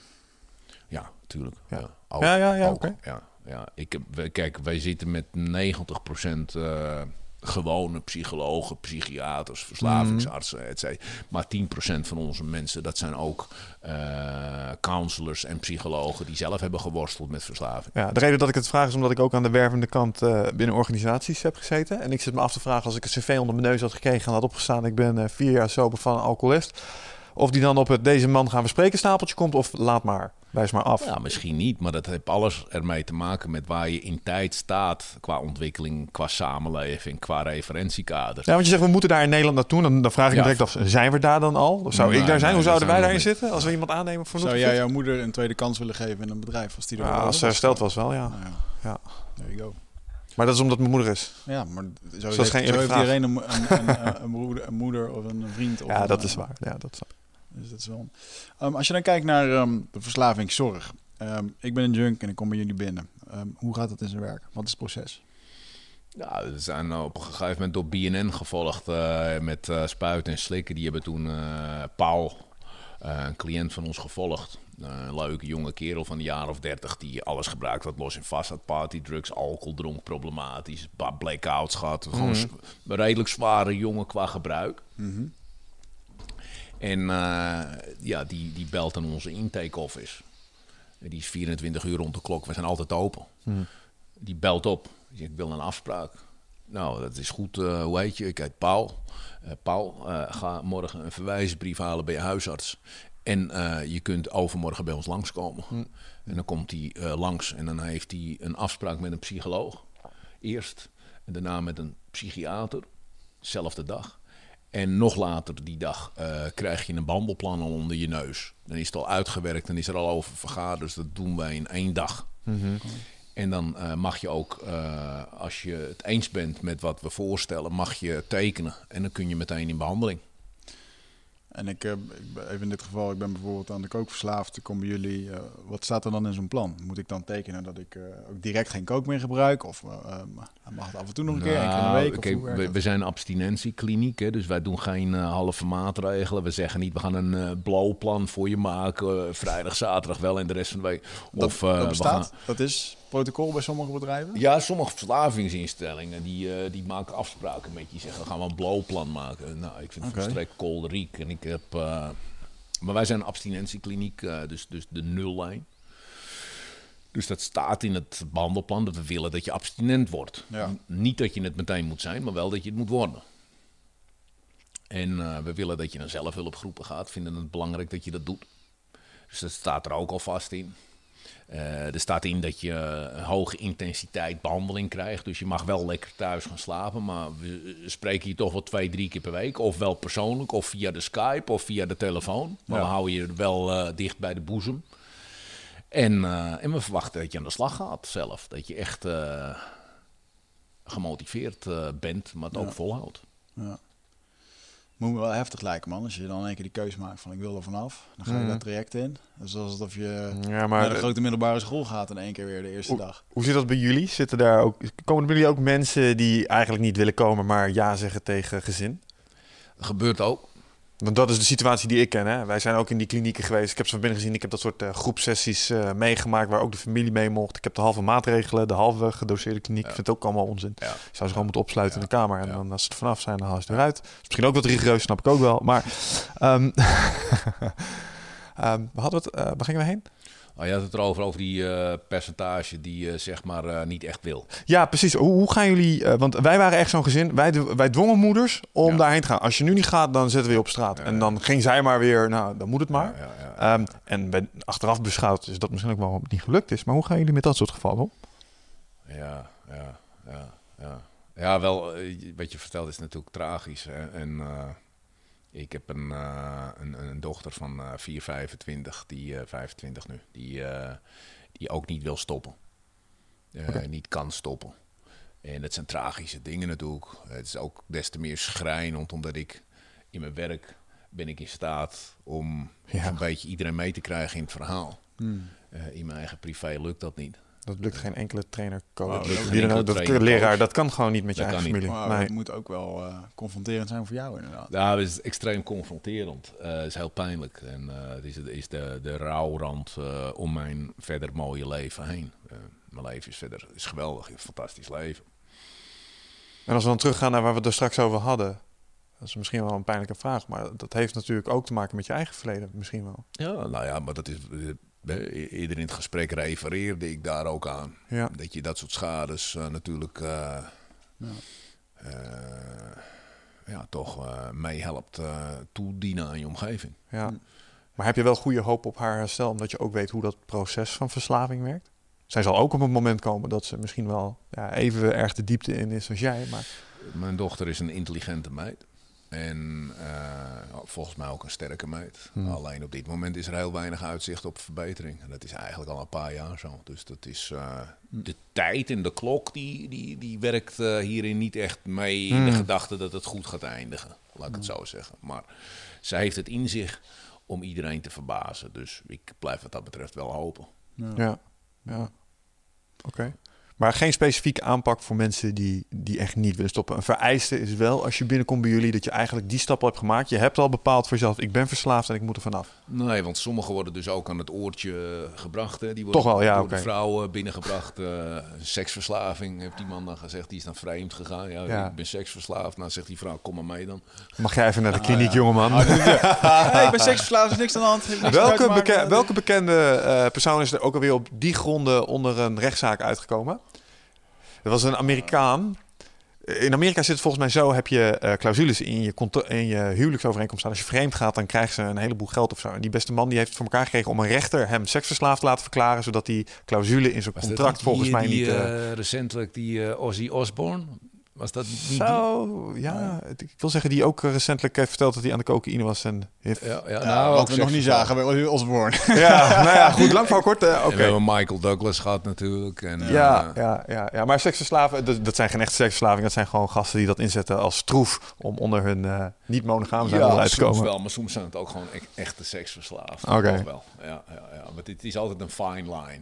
Mm. En eh, je krijgt inderdaad nu een situatie dat als ze betrapt worden, dan zeg ik, ik kan er niks doen, ik ben Ja, ja, ja, dat pleit mij gebeurt, vrij. Dat gebeurt steeds vaker, ja. It Ja. just happened. Ja. Hmm. Hey, en ehm, als je nu kijkt naar... ehm, ehm, vond ik laatst een hele interessante eh, van een Simon Sinek. Dus die man die heeft een hele bekende TED-talk over eh, waarom leiders met een why moeten werken. Dus waarom je over... waarom je alles doet in je leven. En die, had een, eh, die is een beetje een nieuw pad aan het bewandelen, waarbij die eh, nu niet meer aan directeur eh, alles wil uit gaan leggen en de wereld wil verbeteren, maar die zit nu echt op kinderen en social media. Social media is ook een nieuwe verslaving. Vond ik interessant toen ik even zat in te lezen over jou. En wat hij vertelde verbaasde mij echt. Dat jouw brein dezelfde eh, stofjes losmaakt bij een pingetje van een eh, like of een eh, share of wat dan ook wat je op je telefoon binnenkrijgt. Dat dat dezelfde verslavingsprikkel geeft als cocaïne. Of, Ja, verbaas je dat? Nou, en wat ik nog verbazender vond, is dat die dus, die kinderen zitten met iPads, met dingetjes, alles pinkt en doet de hele dag door. En iedere keer als je dat krijgt, ehm, put je eigenlijk je hersenen uit. Mhm. Vervolgens moeten die kinderen gewoon naar school, net als wij dat ook moesten. Kinderen die zitten eigenlijk met uitgeputte hersenen daar, krijgen allemaal informatie met alles wat er nu nog tegenwoordig bij komt. En eigenlijk tegen de tijd dat ze naar de middelbare school gaan, is die hersenpan al min of meer gefrituurd en eh ingetuned op verslavingen. Want ze zijn verslaafd aan die telefoon, aan social media. Hmm. En dus ik was eigenlijk heel erg benieuwd hoe dat eh, social media bij jullie een rol eh, inneemt in het verslavingsgeheel. Het is echt een nieuwe wereld voor mij. Dat dat, dat, dat En is ook bedoel je echt dan een... social media als, als, als verslavend iets? Of bedoel je Ja, nou, hoe ik- we het maar- inzetten? Ja, Kijk, nee, hoe, nee, nee, in de zin van eh, hoe, hoe het werkt in die verslaving. Verslaafd aan social media. En eh, zijn dat projecten die bij jullie ook eh, spelen? Dat de mensen binnenkomen met... eh, Nou, je ziet dus een, een, een social media verslaving. eh, zou je iets meer naar de microfoon... eh, ja. Een social media verslaving die, eh, die komt eh, regelmatig voor bij onze cliënten, maar meestal dan in combinatie met een, eh, met een andere verslaving. Mm. Eh, met, met, met alcohol of blauwen. Of, of, hè, dus dan is het een extra verslaving. Ja. Je maakt het weinig mee dat mensen zich aanmelden. Zeggen, ik ben social media verslaafd en ik wil daar vanaf. Een vraagje, gameverslaving? Ik weet namelijk dat er, eh, er zijn eh klinieken geopend voor mensen ook specifiek met gameverslavingen. Als iemand die zelf ook wel eens eh, in de... Nee, ik heb aan de digitale heroïne gezeten. Ja. Dat heette World of Warcraft. Dat, Ja. dat heeft echt heel veel tijd gekost. En heel, als ik dat daarop terugkijk, absoluut een verslaving geweest. Ehm, Dat kwam gewoon omdat je geen vrienden had. Dat, dat viel mee. Mijn vriend, misschien was het probleem dat mijn vriendinnetje meespeelde. maar ehm, ja, dat, dat- hebben jullie daar ook? Want ik zie dat jullie een hele trits aan, eh, aan verslaving hadden. Maar hebben jullie daar ook ervaringen mee? Of toch minder? Ja, natuurlijk. wij, wij behandelen cliënten vanaf 17 jaar. Ja. Eh, niet jonger. Eh, er zit wel een percentage gameverslaafden onder de 17. Eh, maar er zijn specialistische jeugdklinieken voor. Eh, maar wij hebben vooral eh, de doelgroep twintigers eh, die worstelen met gameverslaving. Die komen bij ons binnen met een aanmelding en die willen daar vanaf.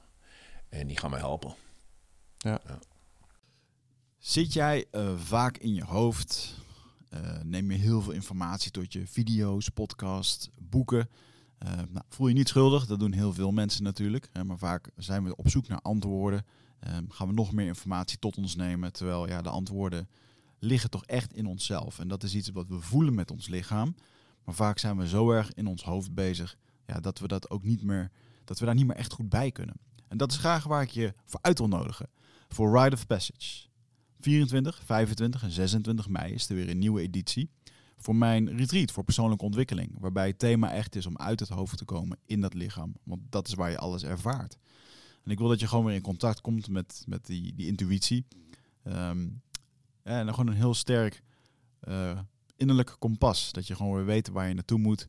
Wat je te doen staat. En dat je gewoon weer helderheid hebt over wat je wilt en hoe dat je dat gaat doen.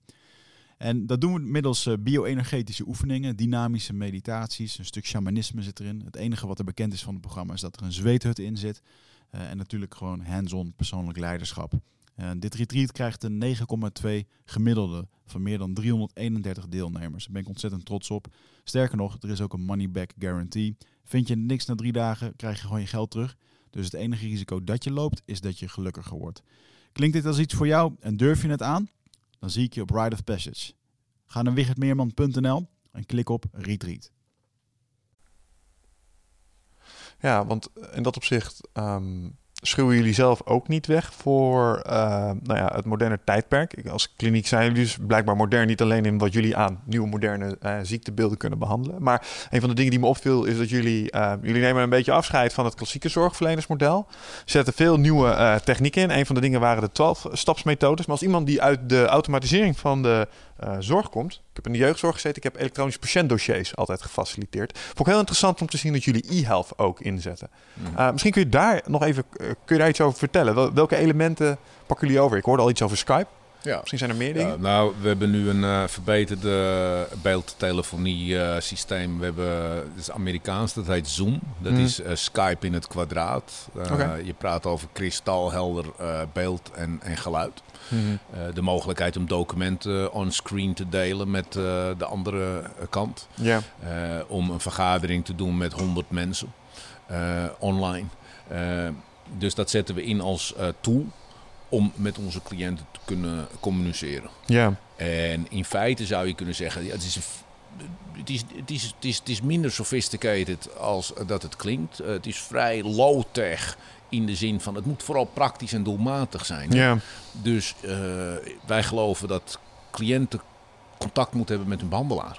En dat ze contact moeten eh, herstellen met hun omgeving. Contact is het sleutelwoord in dit hele verhaal. Ja. Dus ja, wij gebruiken al die middelen, die technologische nieuwe middelen, om, om contact te krijgen met onze cliënten. Mhm. In feite zou je kunnen zeggen dat wij creëren een veilige corridor in het, in het leven. We doen ambulante behandelingen. Dat betekent dus dat je de mensen niet in een bedje stopt met muren eromheen. Nee.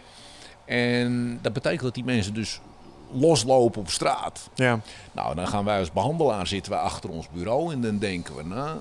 Hoe gaat zo'n dag eruit zien van mijn cliënt? Nou, die gaat s'morgens naar zijn werk. Nou, dan loopt hij onderweg, loopt hij misschien risico. Hoe kan ik dat afdekken? Ja. En dan creëer ik een veilige corridor voor dat stuk van de dag... door hem bijvoorbeeld aan het begin van zijn reis op te bellen. Ja. En hem ook weer te bellen als die is aangekomen. Ja, oké. oké. Et cetera, et cetera. Ja, nou, waar ik, dan, waar ik nog een beetje aan zat te denken, maar dat is misschien een stukje vakdeformatie. Kijk, wat, wat ik eh, weet van deze GGZ, eigenlijk is het tweede lijns GGZ, zeg maar. Hè? Ja. Dus geestelijke gezondheidszorg. Dat betekent dat je, ja, dat je bent onderdeel van een eh, multidisciplinaire zorgketen. Eh, je zal waarschijnlijk ergens in het midden zitten. Eh, misschien is er nog een stap na jullie, weet ik niet.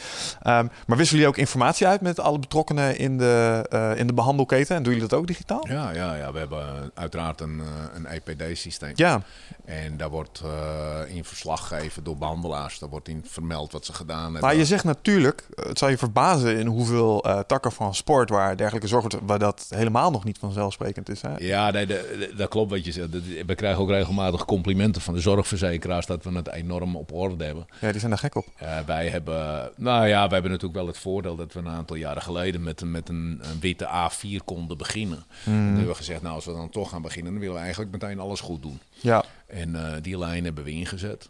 Ja, want als je dan kijkt naar die, eh, naar die A4, ehm, je kijkt naar de bestaande eh, GGZ, zeg maar, geestelijke gezondheid, verslavingszorg. Je ziet daar een aantal dingen gebeuren. En ik, oeh, dan moeten we echt niet meer weer willen. Als wij verder gaan werken, dan gaan we op deze basis gaan we aan de slag. En een van de dingen die ik las waren- was het 12 steps eh, methode. Is dat het klassieke 12 stappen plan wat je ook in de films altijd ziet? Je, je moet de 12 stappen van eh, AA Nou, doen. Je zit met een, je zit met een spagaat in Nederland. Eh 12 stappen methode wordt door de zorgverzekeraars niet geaccepteerd voor alle verslavingen. Is dat ook omdat er het religieuze component in In? Amerika wel. Eh, mm, dat weet ik niet. Het- Een van de stappen is toch, je accepteert iets groters als jij. Ja, dat zit in het 12 stappen programma. Ja, hè? ja, ja, ja, oké. Ja, ik weet niet, misschien is dat een grond voor zorgverzekeraars om te zeggen, dat kan niet, want dan... Nee, Nee, dat is in ieder geval niet in die zin ooit uitgesproken. Maar zij zegt, eh, voor alcohol werkt het wel, wat ons Mhm. betreft, en voor de rest niet. Oké. Nou, dus dan word je meteen als organisatie, word je, wat dat betreft, eh, gehouden aan een aantal uitgangspunten die je zult moeten respecteren. Hmm. Want anders ga je een behandeling inzetten, die eh, wordt niet vergoed. Ja. Nou, dat kan geen enkel bedrijf heel lang volhouden. Nee, want jullie worden betaald door de zorgverzekeraar. Want wij worden betaald door de zorgverzekeraars. Dus, maar eh, ik persoonlijk eh, vind eh, in ieder geval elementen ook uit het 12-stappen-programma vind ik absoluut. ik, ik, ik, vind het 12-stappen-programma een geweldig programma. Kunnen we er eens op ingaan wat, wat ze zijn? Voor de mensen die het niet weten? Het zijn er maar twaalf. Dus ik zal ze proberen een klein beetje te vertalen in, in, in, in begrijpbare taal. Want ze zijn nogal wollig en, en, en oudbollig in de originele versie. Maar stap 1 is in feite dat je erkent dat je, dat je verslaafd bent. Dat je, dat je Mm. er niks... eh, ja, dat je gewoon... Je hebt het geprobeerd, maar het lukt je niet om te stoppen. Ja. Dat is stap 1. En van stap 1 zeggen we... Als je die niet 100% hebt genomen, wordt het nooit wat. Dus stap 1 is echt de allerbelangrijkste stap. Je moet erkennen dat je verslaafd bent. Ja. Stap 2 is dat je gaat geloven eh, dat het weer goed kan worden. Dat je gewoon het geloof hebt dat er misschien een oplossing is, in zijn Mm. algemene. En stap 3 is dat je zegt van weet je wat, ik, ik, ik lever mezelf uit aan die oplossing. Ik, ik, ik, ik, ik laat het gewoon los. Ik ga nu gewoon alles doen wat goed voor me is. Ik volg de suggesties op die gedaan worden door mensen die al een tijd gestopt zijn met verslaafd zijn. En ik ga maar gewoon eens proberen opnieuw te leren. En ik vertrouw erop, op het leven, op, op een hogere macht, Mhm. wat mij betreft, eh, dat alles weer in orde komt. Dus stap 3 heeft echt te maken met vertrouwen. Ja. Stap 4, dan maak je een morele inventaris. Dus dan ga je op een papier schrijven eh, hoe je verleden eruit zag. Hmm. Dat is een pittige stap. Ja. Pittige stap voor de meeste mensen. Dat begint heel vroeg natuurlijk. Dingen die ze hebben meegemaakt thuis, later. Uh, dus het is een intensief proces. Dat is heel heftig, denk ik. Is dat ook het, um, het, terughalen van oude trauma's en dat? Ja, absoluut. Opnieuw je schrijft over alles. Alle vragen zijn zodanig ingericht. Uh, dat alles aan de orde komt. Je relatie met je ouders, je familie, je, je seksuele ervaringen, je geweldsdingetjes, je, de, de, de pijn, de, het verdriet. Uh, alles, komt, alles komt eruit. Lijkt me best wel goed om dat voor de gemiddelde Nederlander eens een keer Ja, dat zou iedereen misschien wel eens een keertje moeten doen. in de kaart te krijgen. Dat wordt regelmatig ook gezegd. Wat jij nu zegt, dat wordt regelmatig ook gezegd. Dat het een hele heilzame en ik, ik, ik, ik, ik sta achter je. Als je dat zo zegt, dan denk ik, je hebt gelijk. Zijn deze vragen vrij beschikbaar, die vragen die dit in kaart brengen? Of is dat een geheim recept of iets dergelijks? Zijn die vragen vrij... Kan ik ergens op het internet die vragen die worden gesteld vinden? Gewoon op internet. Kan ik gewoon nu thuis zou ik dat kunnen doen? De, dan neem je de twaalf stappen van uh, bijvoorbeeld Narcotics Anonymous. En dan kun je ze op het internet vinden.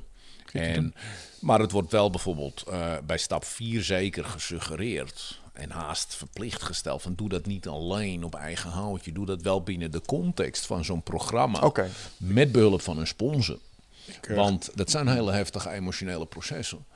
Ja, wat je eigenlijk zegt is als je nou hier naar zit te luisteren en denkt... oh, lachen, dat doen we even. Dat zou je dan ook weer niet direct adviseren? Nee, absoluut niet. Oké, duidelijk. ik zet de twaalf stappen wel. Ik ga die opzoeken en ik zet het in de show notes. Kunnen mensen toch opzoeken als ze willen. Eigen risico blijkbaar. Want eh, waarom adviseer je... Uh, want je introduceert een nieuwe term, sponsor. Je zou het niet moeten doen zonder een sponsor. Wat is een sponsor?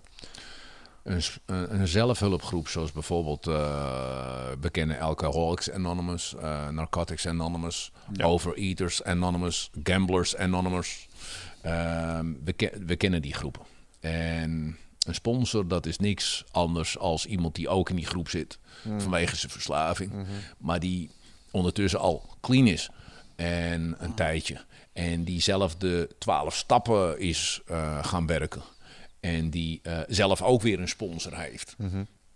Dus iemand waarvan je een soort van uh, kan bedenken dat hij wel, wel goed bezig is. Ja. En die dus vaak ook uh, daaruit voortvloeiend inzichten heeft. Heb jij nog een sponsor? Uh, nou, die, die Italiaan, uh, die Siciliaan, dat was mijn sponsor.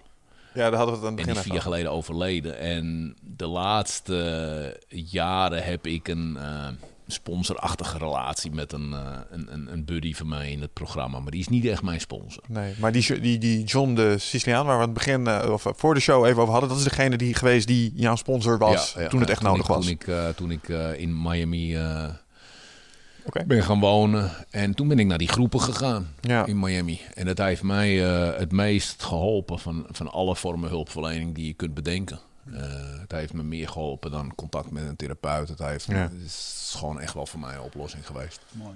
Als ik aan Miami denk, dan denk ik aan die film uh, Cocaine Cowboys. Ja. Het is echt een giga doorvoerput van, uh, van coke in Amerika, volgens mij. Ja, was dat nou wel de ideale omgeving om van je verslaving af te komen? Voor mij wel. Ja. blijkbaar. Kon lekker doorsnuiven. ik uh, heel toevallig. Ik had Heilig geworden in Sodom en Gomorra eigenlijk. Ja, nou ja, ik was niet helemaal heilig meteen op één dag. Want ik kan me herinneren dat ik in het begin dus niet meer gebruikte. Maar nog wel veel naar die stripperclubs ging en zo, weet je wel. Dat, ja. Uh, wat, dat gunde ik mezelf als een soort in de afbouwfase. Ter overbrugging. Een beetje afbouwen. Dus ik, ja. zat, ik zat wel bijna elk weekend in zo'n stripclub... Uh, en uh, Niks nee. Hartstikke ook nog een tijdje vriendinnetje aan overgehaald. Ja, ja, ja, ja. Dat is weer een ander verhaal. Maar vast een veel leuker verhaal, ja. dat was de seksverslaving. ja. ja.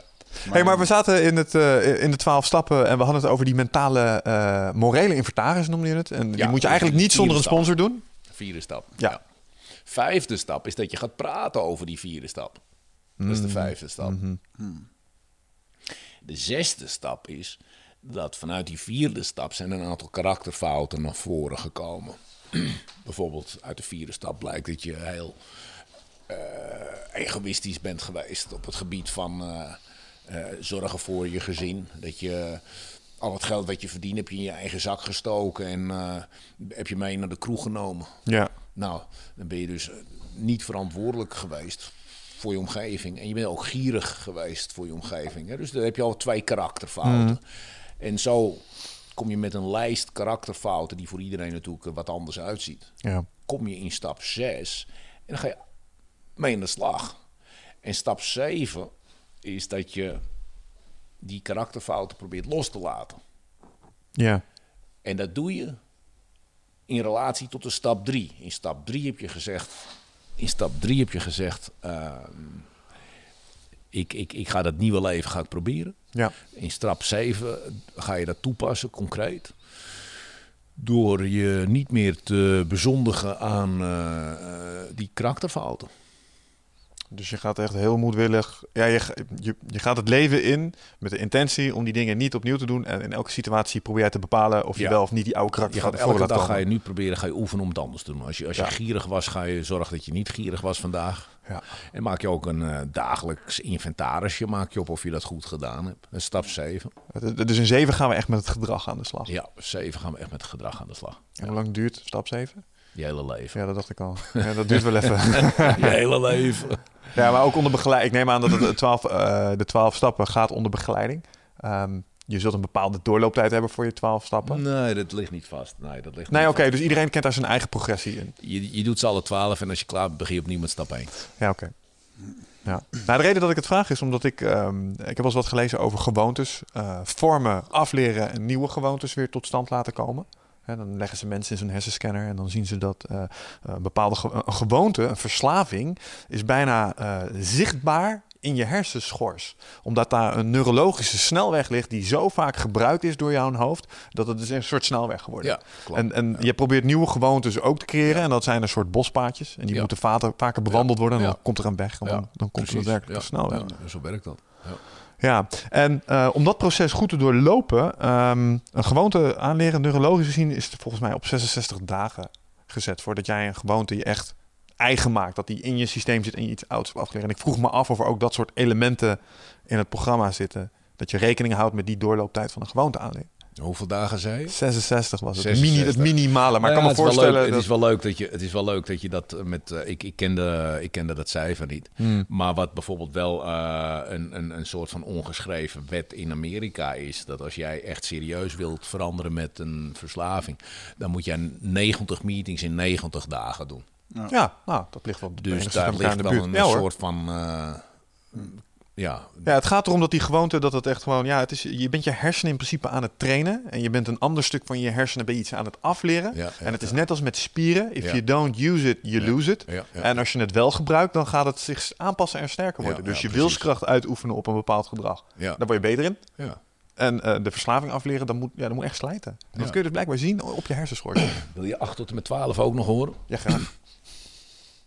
Stap 8 is: eh, je gaat een lijst maken met de mensen die je kwaad hebt gedaan. Hmm. Hoe lang was die lijst? je gaat een lijst maken. En die eh, mensen die je kwaad hebt gedaan door je verslaving. En stap 9 is, je gaat naar die mensen toe. Om je excuus te maken. Dat is interessant, man. Eh, ik zal je uitleggen waarom ik zie mensen in mijn omgeving soortgelijke shit doen eh, momenteel. Eh, ja, Ja, wat grappig. nou, maar ik doe het niet vanuit verslaving. Nee, nee, dat snap ik wel. Maar het is wel een, een component hierin ook. Ja. Ja. Ja, dus het is een soort... eh, eh, is, hoe moet je dat zien? Is dat boete doen? Of is dat vergiffenis vragen? Of is dat excuus Opruimen. aanbieden? Opruimen. Ah, Opruimen. Maar ja, het is wel grappig dat je dat niet zegt, want degene waar je het over hebt, dat ben ik. ja. ja dat. Maar toch niet met inderdaad, andere mensen om? Ik had op een gegeven moment, ehm, eh, afgelopen jaar, gewoon een beetje ehm, tot, tot het besef gekomen dat ik ben altijd al bewust geweest. Ehm, maar echt tot het besef gekomen dat heel jouw perceptie, alles wat je vindt van alles en iedereen en waar je jezelf een slachtoffer in voelt, of, is echt je eigen perceptie. Dus ehm, alles wat jij vindt van iemand, of die je nou kwaad heeft gedaan of niet, ehm, dan mag je best eens een keertje voor bij jezelf naar binnen kijken. Wat dat dan. Ja, wat, het, wat is het nou dat je daardoor zo. eh, hè? Want het, het gaat helemaal niet om de situaties dat eh, je vader je geslagen heeft, of dat je broer je wat heel aan heeft gedaan, of dat je een keer verraden bent. Het drukt bij jou op knoppen die op overtuigingen eh, gaan van ik ben waardeloos, ik ben eh, bang om niet geliefd te worden, ik ben raar en dat allemaal van dat soort dingen. Dus ik had op een gegeven moment voor mezelf bedacht, omdat ik, ehm, en dat gaan we zo meteen nog wel even aantikken, ik ga straks zes weken de jungle in. Ehm, om ayahuasca te doen, plantdiëten. Iets wat uitgebreid besproken is in onze podcast. En ehm, ja, dat is een stukje, stukje zielswerk wat je daar doet. Dus eh, onder andere wat jij zegt, van, joh, het zit gewoon in je systeem, sommige dingen. Ehm, ja, dan ga ik daar wel het een en ander oplossen. En mijn mening was, als ik dan daarheen wil, ehm, wil ik eigenlijk gewoon daar schoon heen. Die schone harde schijf. Dus ik heb voor mezelf alles opgeschreven wat mij irriteerde, waar ik nog wel eens aan denk, of waar, gewoon, waar ik issues mee heb, maar die je gewoon wel accepteert, maar wat dan ook. Dus van alles, van stiefvaders tot en met broers, tot en met vrienden, tot en met exen. En ehm, ja, dat gewoon eens opgeschreven. En dan niet zozeer gekeken naar de situaties die zijn gebeurd, maar waarom vind je die situatie nou irritant? Wat is er bij jou dat je dat irritant vindt? Waar ligt het? Dus echt dieper, dieper, dieper gekeken. Ja, dan kom je uiteindelijk tot conclusies dat je sommige mensen echt heel veel kwalijk hebt genomen. Terwijl het uh, je eigen uh, overtuiging is geweest dat je, dat je het niet kon controleren of dat je bang was. Of, uh, en dat is best wel confronterend. Ja. Het kost ook heel veel energie om zo'n gesprek te, te voeren. Maar wel een, een, een, gezonde confrontatie die ergens toe leidt. Ja. Ja, en ik had een beetje het idee om, zoals we straks die jungle ingaan, normaal doen mensen nog wel eens een keertje ayahuasca of van dit soort dingen om shit kwijt te raken. Hè? Zo van, uh, dan kunnen ze daar een ding oplossen. Maar ik ben nu juist van mening, ik wil er nu eens een keertje ingaan door helemaal schoon te zijn. En dan in plaats van af te vallen, wil ik aankomen. Ophalen, ja. Ophalen met, met de juiste dingen die je weer, nou de dingen wat jij op een gegeven moment hebt, dat je gaat teruggeven aan de wereld. En uh, dat op die manier kan inzetten. Maar ik, uh, het viel mij op toen ik het opschreef. Ik heb toevallig het boek hier voor me liggen, waar het helemaal in staat. En er staan echt Dit boek moet ik niet kwijt trouwens. maar het viel mij op dat, uh, ook al ben je ermee bezig en ben je het op aan het schrijven, dat het echt, uh, het is intens man. Om jezelf zo, uh, om dat voor jezelf, om eerlijk ernaar te kijken en niet alweer te denken van ja, maar ja, het was toch wel echt zijn schuld of die schuld. Is het zo? Gebeurt dat? Herken ja, je, je ego probeer dingen goed te praten in sommige dingen. Ja, ja, het is ook, in zekere zin is het het ontmantelen van je ego. Hè? Ja. Het is, uh, even een vraag aan jou. Wat, wat maakt dat jij denkt dat je ayahuasca nodig hebt in dat proces? Nou, dat is een hele goede vraag. Um, ik heb ayahuasca voor vier jaar geleden heb ik dat uh, leren kennen. Toen uh, heeft het mij, gaf het mij echt de fysieke ervaring. Want ik was ook een vechtsporter, een harde werker. En ik had helemaal niks met spiritualiteit. Ik heb toen ayahuasca gedaan. Dat heeft bij mij in drie dagen tijd echt een blok beton om me heen afgebroken. En het was echt een hele fysieke ervaring. En ik, ik dacht in één keer van, wow, oh, dit is de spirituele ervaring die ik zocht. En niet uh, mediteren op een matje en doen. Dus ik heb dat de afgelopen drie jaar veel gedaan. Ik heb daar heel veel van geleerd, heeft me heel veel gebracht. En afgelopen keer in uh, januari heb ik wederom een sessie gehad. En die was uh, wel zo ontzettend heftig voor mij. Dat ik um, daarna ook even er helemaal klaar mee was. En dat was voor mij een moment dat ik ook naar mezelf ging kijken. Van joh, er zit iets in jou waardoor dit nu zo ontzettend heftig is. Dus um, ik wilde het op een gegeven moment ook niet meer in ayahuasca zoeken. Omdat het inderdaad allemaal in jezelf zit. Ayahuasca is iets wat buiten jou ligt. Op het moment dat je dat neemt, dan kan je het intappen op die dingen die in jou zitten. Maar het innerlijke werk, dat moet je gewoon in je dagelijkse doen gaan doen. Dus niet de uitvlucht zoeken in één keer in een half jaar ayahuasca doen en dan denken dat het goed is. Uh, je hebt het dus helemaal niet nodig om, uh, om hier tot te komen. Um, ik ben wel van mening dat ik uh, dat ayahuasca me wel heeft gestuurd en dat ik nu dan op het punt zit om hier uh, dit gesprek dan te voeren, dat we het hierover kunnen hebben. Dus het heeft voor mij wel heel veel gebracht, maar ik ben wel van mening dat het niet uh, het sleutelantwoord is. Het kan je helpen, het kan je handvaten geven. Kende jij het al? Uh, ik ken het, natuurlijk. Het is een, uh, een, een, een uh, goedje wat regelmatig weer terugkomt, ook in de media. Mm. Uh, heeft heel soms wat hype-achtige dimensies ook dan als het in de media komt. Mm. Uh, met, met, met fervente voorstanders ervan. Maar ook fervente tegenstanders. Mm. Uh, ik ben geen fervente tegenstander, maar ik ben in algemene zin überhaupt wel een tegenstander van het gebruik van externe zaken om een intern dilemma op te lossen. Ja. Omdat ik denk dat het inherent aan de menselijke psyche is en de veerkracht van de psyche is om uh, dat autonoom en zonder uh, middelen te moeten kunnen. Ook in het geval van bijvoorbeeld depressies, dus zonder antidepressiva? Ja, ik denk. Uh... Ja, dat is een moeilijk onderwerp vaak, want wat zeg je? Ja, ik vind de depressies vind ik altijd een, een moeilijk onderwerp. Omdat uh, nou, het, het, het, is wel echt aantoonbaar zit het onder in je hersenen. Moeilijk, maar ik heb, ik heb een mening erover. Die ligt niet heel erg in het verlengde van de reguliere GGZ-opvatting. Uh, vind jij het wel of geen uh, disbalans in de hersenchemie? Als het zo is. Hm. Waarom zou je het... Kijk, la- la- laat ik het anders zeggen. Ik denk dat op een gegeven moment het middel erger is geworden dan de kwaal. We zitten nu in een eh, toenemende mate zitten we kinderen zitten we Ritalin te voeren. Ja. Het, is, het, is, het is een schandaal van ongekende orde grootte wat er zich nu voltrekt in Nederland, België en Frankrijk. Waarbij kinderen die, waarvan eerder werd gezegd dat die zijn moeilijk te diagnosticeren. Maar die krijgen gewoon speed, Ja, amfetamine. ja. Eh, je ziet ook een afkalving. eh, onderzoeken door artsen worden niet meer zo serieus genomen. Dus sommigen die krijgen gewoon amfetamine terwijl ze amper een goede diagnostiek hebben gehad. Ja. Je, het, is, het, is, het, is, het, is, het een, eh, een farmaceutische industrie met belangen. ja. Met veel geld voor marketing en reclame. Dat begrijp ik. Maar dan desondanks, want ik zat voorheen ook in de hoek van ja, depressie, houd toch op, weet je Je moet gewoon eh, iets optimistisch naar het leven kijken. Je moet iets beter voor jezelf zorgen. Ga eens wat doen. Blijf niet op de bank zitten. Maar ik ben dat door een paar mensen die dat echt aan de lijf hebben ondervonden, toch echt wel even op gecorrigeerd. En die legden me het als volgt uit. Kijk, ja, als sporter kun jij snappen dat sommige mensen beduidend minder de testosteronproductie hebben. Hè? Die hebben een afwijking in hun schildklier en die maken een bepaald hormoon minder aan. Kun je snappen, toch? Ja, kun je snappen. Dus die kunnen nooit groter gespierd worden. Snap je ook, hè? Ja, snap ik ook. Oké. In je hersenen kan precies hetzelfde gebeuren met stofjes Ja. die jouw perceptie van de wereld Ja. grauw of Ja. kleurig maken. Ja. Ja.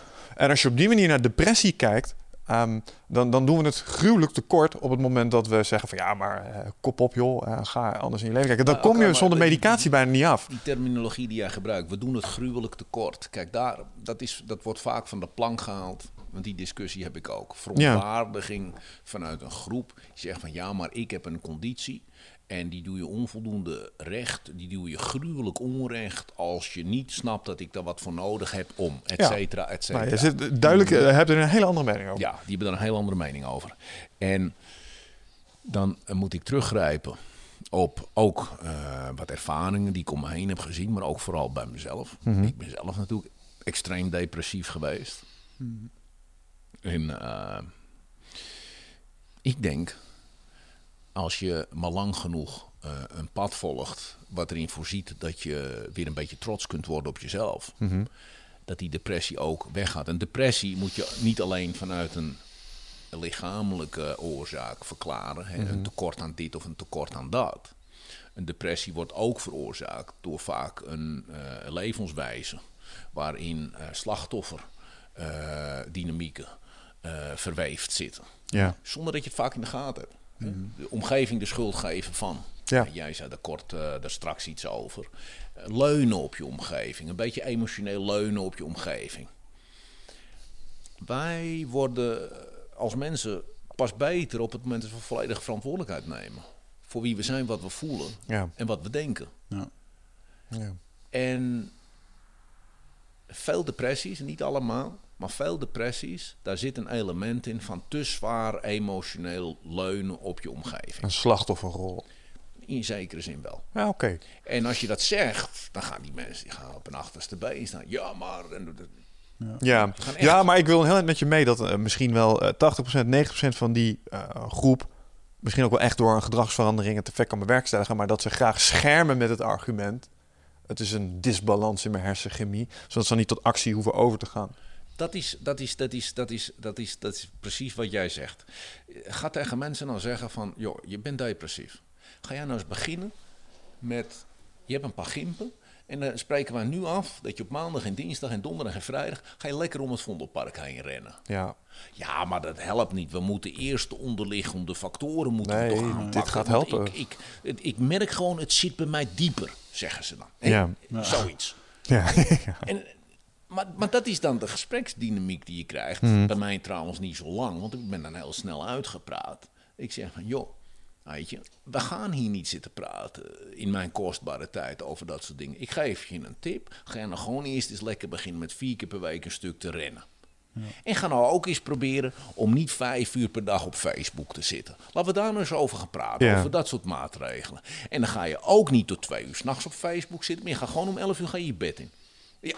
Dus kijk hoe jij je voelt na een Ja, paar maar weken. Facebook is het enige wat ik heb, want ik ben hartstikke... de- ik ben eenzaam, ik ben depressief, ik ben angstig, ik ben gespannen. Als ik mijn contact op Facebook... verwacht je dat ik dat ook nog een keer opgeef?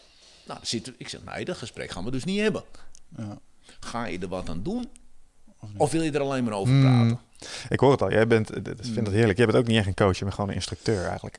Wat ben ik? Een instructeur. Je vertelt ze gewoon, dit zijn de stappen die je moet nemen. En als je ze gaat doen, dan ga je het effect sorteren wat je nodig hebt. Nou, ik kan me die luxe permitteren. Ja, Omdat blijkbaar. ik het zelf heb gedaan. En, en, en, en, en, en, en, en, weet je, en dan, dan wordt het legitiem. Alright, terug naar de stappen. Hadden we ze alle... terug naar de stappen. twaalf al gehad? waren, eh, naar de vergeving en eh, het het toegaan naar mensen. Ja, we waren bij stap eh, Negen volgens mij. 8 en 9 aanbeland. Nou, dan krijg je 10 en 11. 10 en 11, dat is dat je eh, dagelijks eh, aan meditatie eh, gaat doen. Eh, dat je reflecteert op je dag.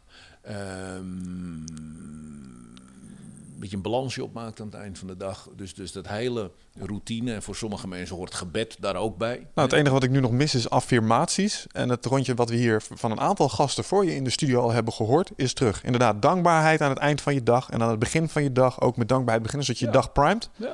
En soms nog even eh, iets voor je opzeggen wat heel persoonlijk is, maar wat jouw dag helemaal in het juiste perspectief plaatst. Ja, Ja. ja. Gaaf, ja, Ja. oké. ja. Dus dat is gewoon een standaard onderdeel van het, ehm, ja, Maar dan heb je twaalf nog. ja. oké, ja, vet. En heb je 12 nog. En 12, dat is eh, als een resultaat dat je die stap hebt gedaan, die 11. Heb je eh, bepaalde verworvenheden gekregen, rust. En dan moet je andere mensen gaan helpen. Dat is stap 12. Pay it forward. Ja, maar dat geeft wel heel veel zinsgeving. Pay it forward. Ja, hoe goed voelde dat voor jou de eerste keer? Toen jij met alle ervaring en kunde, kunde die je inmiddels had opgedaan in het vers- verslavings eh, eh, zijn. En eh, dat je voor het eerst iemand echt de goede kant op begon te helpen. Kun je dat nog herinneren? Ja, weet je wat het is? Kijk, je goed voelen, je lekker voelen, is ook. Het is heel modern om je, om je altijd maar lekker te willen voelen. En ik voel me echt niet altijd maar eh, happy de peppy. Ja, maar of, niemand toch? Dit of dat of zo. zo. Je moet mij maandagochtend zien. Ik weet niet hoe dat komt dan, maar misschien moeten we het daarover. Ja, nee, maar Dus, dus een gameverslaving. ja, dat is te laat vaak. Nee, geintje. Maar Nee, maar kijk, weet je, mensen die willen een aantal zaken, die willen meetellen, meedoen, geaccepteerd worden. Dat is heel basaal. Daar moeten we over praten. Ja. We moeten niet praten over happy voelen of geil of dit of dat. Of ik wil eh, even beuken. Of ik, ik, al die turbotaal is een beetje van af. Mensen hebben behoefte en eigenlijk ook recht op, op verbinding. Je een beetje aangenaam voelen, lekker in je huid zitten. Maar vooral meetellen, erkenning krijgen. ja, Dat je meedoet. Je Er- doet mee met het grote spel. ertoe doen. Je, je, je bent een speler. Ja, je, je hangt er niet bij. Want dat, is het me dat gebeurt het meest in onze samenleving. De mensen die het gevoel hebben dat ze niet echt meedoen. Dat ze er buiten hangen. Verontwaardigd zijn, kwaad zijn. Et cetera, et cetera. Dus wat het mij opleverde was dat ik merkte... toen ik wat met mijn ervaring kon doen... dat ik weer meetelde. Ik had mijn plek onder de hemel weer verdiend. ja. Ik, had, ik, ik mag er zijn. Ja. En dat is, dat, is, dat, is, dat, is, dat is geweldig natuurlijk als je het gevoel hebt dat je er weer mag zijn. Dat is natuurlijk geweldig. Dat heeft niks te maken met je lekker voelen. Gewoon, dat heeft te maken met er weer mogen zijn. ja. Weer mogen leven. Ja, dat is geweldig. Mooi. Ja, en als je dat dan. En, en toch ergens vraag ik me dan af. Heb je dan nooit ergens, als je nu terugkijkt op wat je allemaal, neer, wat je allemaal hebt neergezet. En de mensen duizend per jaar hoor ik. Dus je verandert duizend levens per jaar met wat je nu hebt neergezet. Samen met mijn collega's. Hè? Ja, dat begrijp ik wel. Maar desondanks daarvoor, was een, eh, daar- daarvoor heb jij eh, eerst moeten vallen, bij wijze van spreken. en weer Ja, op moeten ja, staan. Heb je nou ook ooit nergens wel eens het idee van... Luister, misschien dat dit wel gewoon zou moeten zijn. Misschien heeft dit wel moeten gebeuren. En mag ik nu... Jawel, jawel. Absoluut. Absoluut. Absoluut. het, is, eh, het is een goede vraag. Het is een hele goede vraag. Kom op binnen, hoor, die vraag. Ehm, het antwoord, en ik zeg absoluut, omdat het in het verlengde van mijn ehm, levensvisie ligt dat het absoluut zo is en had moeten zijn. En tegelijkertijd realiseer ik me dat het toch niet zo absoluut nog plaatsvindt. Die erkenning bij mezelf, voor mezelf. Dus, dus daar zit nog wel een kloof tussen. En wat dat precies is, dat weet ik eh, niet. Hm. Maar het is wel een confronterende vraag. Ik moet, ik moet daar nog eens, dan moet ik nog eens goed op, uh, op kou op die, op die vraag. Want het, het is wel een, een mooie opmerking. Eventueel met ayahuasca. Just, just nou ja, ja, nou ja, het is een, het is een laatste dingetje dan. Uh, misschien om nog wel eens uh, even kort over te kletsen. Want je, je zei, uh, daar straks hadden we het er even over. Um, heel beduidend van, joh, ik schuw er een klein beetje van weg. Want je zoekt het buiten jezelf. Terwijl het wel iets is wat je heel erg in je keert. En nou ja, de reden dat we het hier ook nog eens even wilden adresseren, inderdaad, is omdat het wel een neiging lijkt te hebben om um, verslaving te kunnen helpen, ondersteunen. Maar dat zit hem volgens mij met name in wat, wat hier zojuist gebeurt, zeg maar. In die kloof, zeg maar, tussen jezelf en uh, wat er zou moeten zijn en wat er zou moeten gebeuren en alles wat daartoe doet. Mm. Dat wordt plots in een perspectief geplaatst. En ik denk dat dat is wat het geschenk is van, van dat soort dingen. Dat je echt op die hele grote afstand even naar jezelf kan kijken. En soms heb je dat nodig. En soms gebeurt dat in de vorm van vragen. Maar soms kan zo'n entheogeen, hè, zo, zo, noemen ze dat dan. Dat ja. is een middel om een God in je te vinden. Uh, kan je daar ook bij helpen? Ja, als ik dan kijk naar... Um iboga, wat dan een Zuid-Afrikaanse wortel is, wat um, een soort gelijk is als ayahuasca, wordt heel erg veel gebruikt vandaag de dag um, tegen verslavingen. Omdat het uh, schijnbaar ook de receptoren in je hersenen uh, daadwerkelijk fysiek verandert op het oh, moment dat je ja. niet meer die verslavingsprikkel voelt. Hmm. Het is 24 uur uh, lijden. Omdat het een, uh, Dit is geen promoplaatje. Een, uh, vraag-antwoord te zijn. Dus um, uh, je gaat die trip in en je 24 uur lang stel je vragen aan jezelf. En uiteindelijk kom je daardoor tot de kern. Want als we nu vijf minuten vragen te, aan onszelf gaan stellen, dan zijn we een soort van: ik weet niet meer wat ik moet vragen. Maar als je op een matje ligt, je bent misselijk en je, je ligt, kom je wel tot de kern. Um, schijnt dat daar 85% instant ja, resultaat in is. Dat mensen hardcore heroïne kunnen zijn. Ik, ik, ik ontkom er niet aan vanuit mijn positie om tegen mhm. jou te zeggen: ik geloof er helemaal geen barst van. Ja, ja, ja. En ik zou ook vertellen waarom niet. Ik loop uh, nu tien jaar mee in het circuit. Mm -hmm. uh, het is voor mij dagelijks werk. Ja. Uh, ik ken de fenomenen, ik ken de verhalen, maar ik heb 10.000 mensen in mijn eigen klinieken voorbij zien gaan. Ik heb daarnaast in het parallele circuit heb ik met heel veel gedragswetenschappers, et cetera. Ik heb zoveel contact de laatste mm tien jaar. Als er iemand midden in het veld staat en van de hoed in de rand weet. Nou, ik heb niet veel pretenties, maar die wil ik toch wel naar me toe halen. Ja, ja. En ik, wat, ik, wat, ik, wat, ik, wat ik je wil geven als dat je standpunt is, is het stuk dat een middel misschien in sommige gevallen bijdraagt aan die reis naar binnen. Mm -hmm. LSD hebben we wel eens gehoord, ecstasy hebben we wel eens gehoord, leven. Coca-bladeren hebben we wel eens gehoord, gematigd uh, koffie. Ja. Er zijn middelen die kunnen je even. Voor sommige mensen hebben zelfs psychiatrische pilletjes een tijdje geholpen. Dus, dus, dus je kunt gaan discussiëren over heeft het dan een functie of een, een, een rol. Mm -hmm. Het punt alleen is, uiteindelijk en op middellange en lange termijn gaan al die zaken gewoon niet een permanente oplossing bewerkstelligen. Nee. Er is geen iboga of ayahuasca. Er is geen wonderpil. Er is geen wonderpil. Maar dat is wel een aspect dat moet er wel bij worden gemeld. Het werkt alleen als ze daarna worden opgepikt door iemand als jij. Het werkt als je het onderdeel maakt ook van je discipline verder. Ja. Je zult, mm, ik bedoel, als je naar de sportschool gaat dan, en, en je hebt een sixpack, die raak je na een tijdje kwijt als ja, je niet traint. Dus je moet blijven trainen. Dat is lichamelijk zo. Maar dat is geestelijk ook zo. Je zult jezelf moeten onderwerpen aan een spirituele discipline. Die ertoe leidt dat je op dagelijkse basis geestelijk fit blijft. Ja. Dat zou mijn uh, beste idee zijn over dit soort dingen. Ja, ben ik wel met je eens. Nou is het ook wel zo dat ik heel erg gericht zoek naar dit soort berichtgevingen en onderzoeken. Je hebt natuurlijk bij, je hebben allebei een confirmation bias. Nee, ja, maar ik snap wel inderdaad. En voor mijzelf was dat ook, uh, uh, of tenminste wat ik zie met, uh, met het ayahuasca en vrienden van mij die dat doen. het gaat er echt om dat je daarna de boel oppakt. Want ja. een leuke avond hebben of een fijne avond of dat inzicht hebben, dat kan iedereen. Maar drie weken later kan je gewoon weer in hetzelfde proces zitten. En dat zie je inderdaad wel bij een hele hoop mensen terug. Ja. En dat is eigenlijk iets wat mensen dagelijks wel, daar hoef je geen, geen middelen voor te nemen om in dat proces te komen. Ik denk dat het een van de grootste problemen is dat mensen in oude patronen nou, dat vind ik belangrijk dat je dat zegt.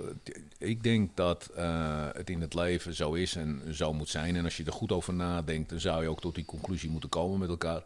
De mens heeft het in zich om te kunnen leven. Ja. Dat is inherent aan het mens zijn. De mens heeft het in zich, heeft het potentieel om te kunnen leven. Alleen dat het leven moeilijk is hebben we ook vastgesteld. Ja. Dus hoe doe je dat dan vervolgens? Nou, als je dan de weg bent kwijtgeraakt, hè, zoals dat bij de moderne mens vaak gebeurt, dan zijn er weer wegen terug. Hè. Je hebt een biologische weg, heb je net benoemd. Hè, Ja. Die snelweg en die, en die zijpaadjes oefenen. Ja. We hebben een, een chemische weg hebben we benoemd. Het is allemaal misschien wat van waar. Maar uiteindelijk moet die weg terug gevonden worden. En er zijn geen wondermiddelen. Het is gewoon keiharde discipline. Eh, elke dag bewustzijn proberen vast te houden. Eh, en zoek voor jezelf uit wat voor je werkt in dat proces. Maar ehm, we moeten er niet makkelijk over denken. Nee. En dat kan ook niet. Want datgene wat we zoeken. Kijk, ik zeg altijd zo. Ik heb iets gedaan wat in principe onmogelijk was. Ik ben uit een conditionering en uit een verslaving gekropen. Door het gewoon niet meer te doen. Ja. Dat is in feite onmogelijk. Ik, kon, ik deed iets wat onmogelijk was. En door dat te doen, en door mezelf dat te zien doen, heb ik ook iets gekregen. Wat ik niet op een andere manier had kunnen krijgen. De Eigenwaarde. Eigenwaarde. Eigenwaarde, gewoon het besef van, hey, weet je wat, het is goed. Je hebt je best gedaan. Je hebt naar beste vermogen, heb je, heb je weerstand gebouwd, heb je geknokt. En, en het is prima zo nu. Kijk, en dat is eh, denk ik heel belangrijk. We, mo- we, mo- we, mo- we moeten ons best doen in dit het leven. is keihard werken en alles. Ja. We moeten ons best doen. En eh, ja, een, eh, een pilletje of een drankje of een ditje, eh, helaas. Nee, het echte werk begint daar, daarna ook. Ja, Weet je, denk het ik is. Precies. Hoe eh, sta jij tegenover eh, medicijngebruik en voorschriften in Nederland? Want eh, als we het over verslavingen hebben, dan hebben we het ook gewoon snel over pijnstillers en dat soort dingen, toch? Mhm. Gewoon dagelijkse medicijnen, die antidepressiva. is Ook ontspoord. Is, is ontspoord. We, we, we leven in een verdoofde, gemedicaliseerde samenleving. Hmm. Ik bedoel, depressie, ADHD en al die zaken, er wordt snel worden pillen voor gegeven. Mensen worden gereduceerd tot halve zombies. Ja, maar dat, ik denk dat dat ook is omdat je de achterliggende oorzaak zo moeilijk kunt adresseren. Het, het, het- is het- niet moeilijk. nou, Het weet ik niet. Ik vraag me af of die boys in de jungle, waar Wigert heen gaat, of die last hebben van deze aandoening. Ik Nee, denk het niet. Nee, nee, nee, nee, maar dat is een ander, een ander verhaal. Daar hebben ze bijvoorbeeld ook geen migraine.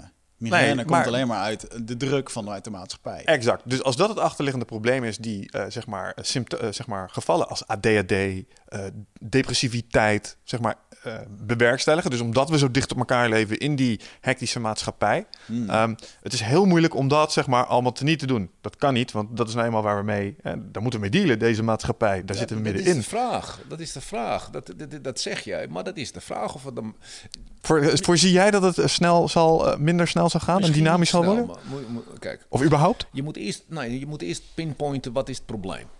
Wat is het probleem? Het probleem is een, een, een, een, een maatschappijvorm die klaarblijkelijk ertoe leidt dat mensen ongelukkig en neurotisch worden. Mhm. Eerst moet je die vaststelling omhelzen. Moet je zeggen, dat is het. Ja. Ja, of nee? Maar stel dat is zo. Ik zeg ja. Ja, ik ook. Jij zegt, nou, jij zegt stel het is zo. Ik, maar nee, neem eens een standpunt in.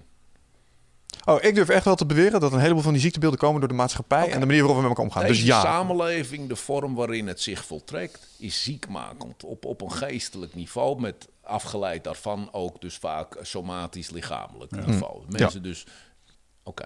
Nou, als dat zo is, dan is dat geen vrijblijvende constatering. Dan kun je twee dingen doen. Als je zegt van nou, Gods water over Gods akker, het zal wel zo zijn en ik die meteen fluit, is het wel prima zo.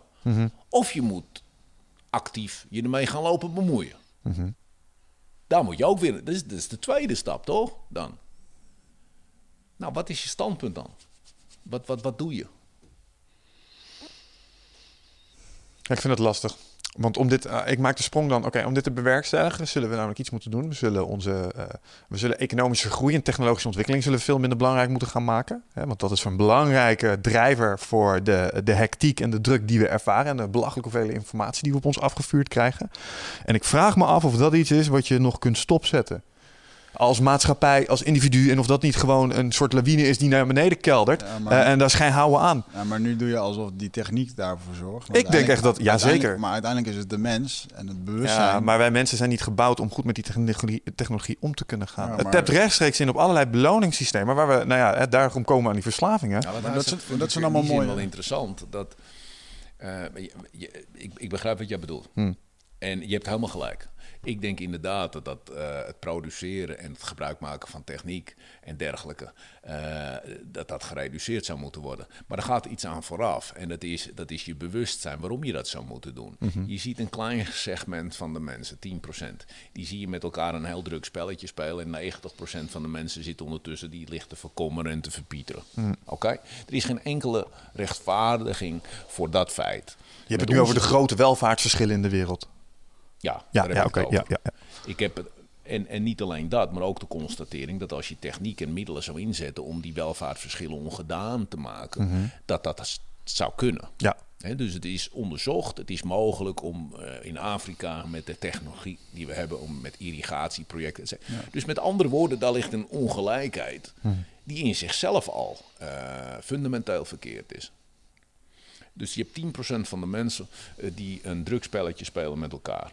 Nou, daar ligt een, een, een, een, een, een ziekte aan ten grondslag. Aan het feit, dat daar zit een egocentrisme zit daarin, die zich uiteindelijk ook gaat wreken. Dat zie je ook met, met, met je ziet nu tegenkrachten vanuit de moslimwereld die het niet meer pikken. Die gewoon zeggen van nou, dan moet het maar van eh, dik hout zaagt men planken. Eh, ook in zichzelf geen goede oplossing natuurlijk weer. Maar het is wel een tegenreactie die in feite door die ongelijkheid oproept. Ja. Ja, ja dat egoïsme waar jij, eh, waar jij naar refereert en dat dat voor een boel onrecht zorgt, dat, eh, dat begrijp ik wel. Ik zat laatst naar een, een documentaire te kijken over slavernij.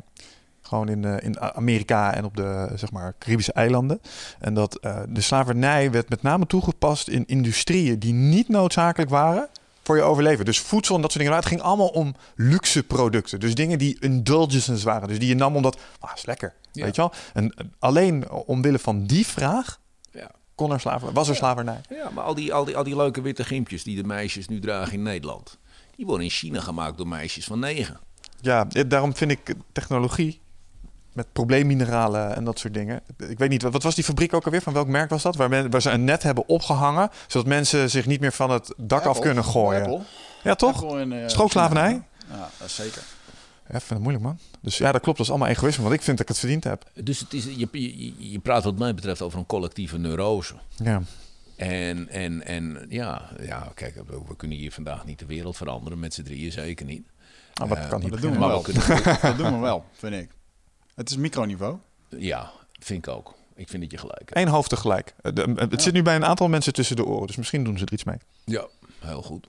Ja. En daar begint het inderdaad ook hier op dit moment. Ja, op dit niveau moet het gebeuren, want je zei het net zelf, het gaat om doen. Dus Ik vind dat je mooi werk doet, man. Ja. Je bent een imposante kerel eh, als ik je zo eh, hoor, zie en eh, wat je allemaal doet.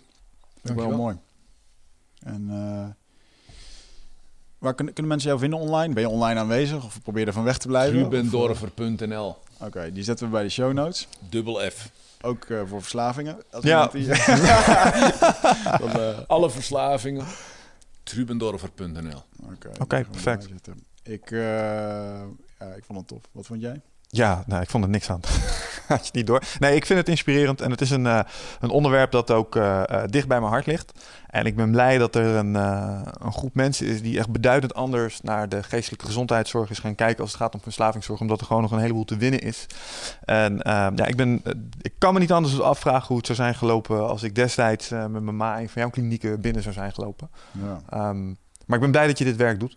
Mede daarom. Dus, eh, Nou, top om dat eh, terug te horen van jullie. Eh, ik vond het een, een, een leuk gesprek in de zin van het is lekker heen en weer gegaan. Ja. We hebben een aantal dingen over onszelf verteld. En, dat, en, en, en, en wat je dan ook in, in ziet gebeuren is, we hadden contact, toch? Mhm. Dat voel je dan toch? ja, Zeker. En, en, en, en dan lopen dingen. En, en dan is er op dat moment ook geen behoefte aan extravaganza. Zoals van ik wil eigenlijk nu liever dit of ik wil liever dat. Of even wat kopen of even wat zuipen. Of even... Nee, dan is het in zichzelf. Dan hebben we gewoon een goede tijd met Ja. elkaar. Dus contact is heel belangrijk. En eh, knap dat jullie in staat zijn geweest om dat neer te zetten in dit gesprek. nou, dankjewel. Bedankt. Top. Goed. Dan eh, gaan we jou zo meteen nog eventjes twee ehm, vragen stellen. Die kunnen onze luisteraars beluisteren als ze zich opgeven voor onze nieuwsbrief. Onze unieke content noemen we dat. Ja. Levensvragen, ondernemersvragen, noem het maar op. Dus eh luisteraars, je kunt daarvoor naar eindbazen.nl en dan eh, krijg je die eh, toegezonden. Eh, ja, nogmaals onwijs bedankt. En luisteraars ook bedankt voor het luisteren. Ja. Tot de volgende keer. Ciao.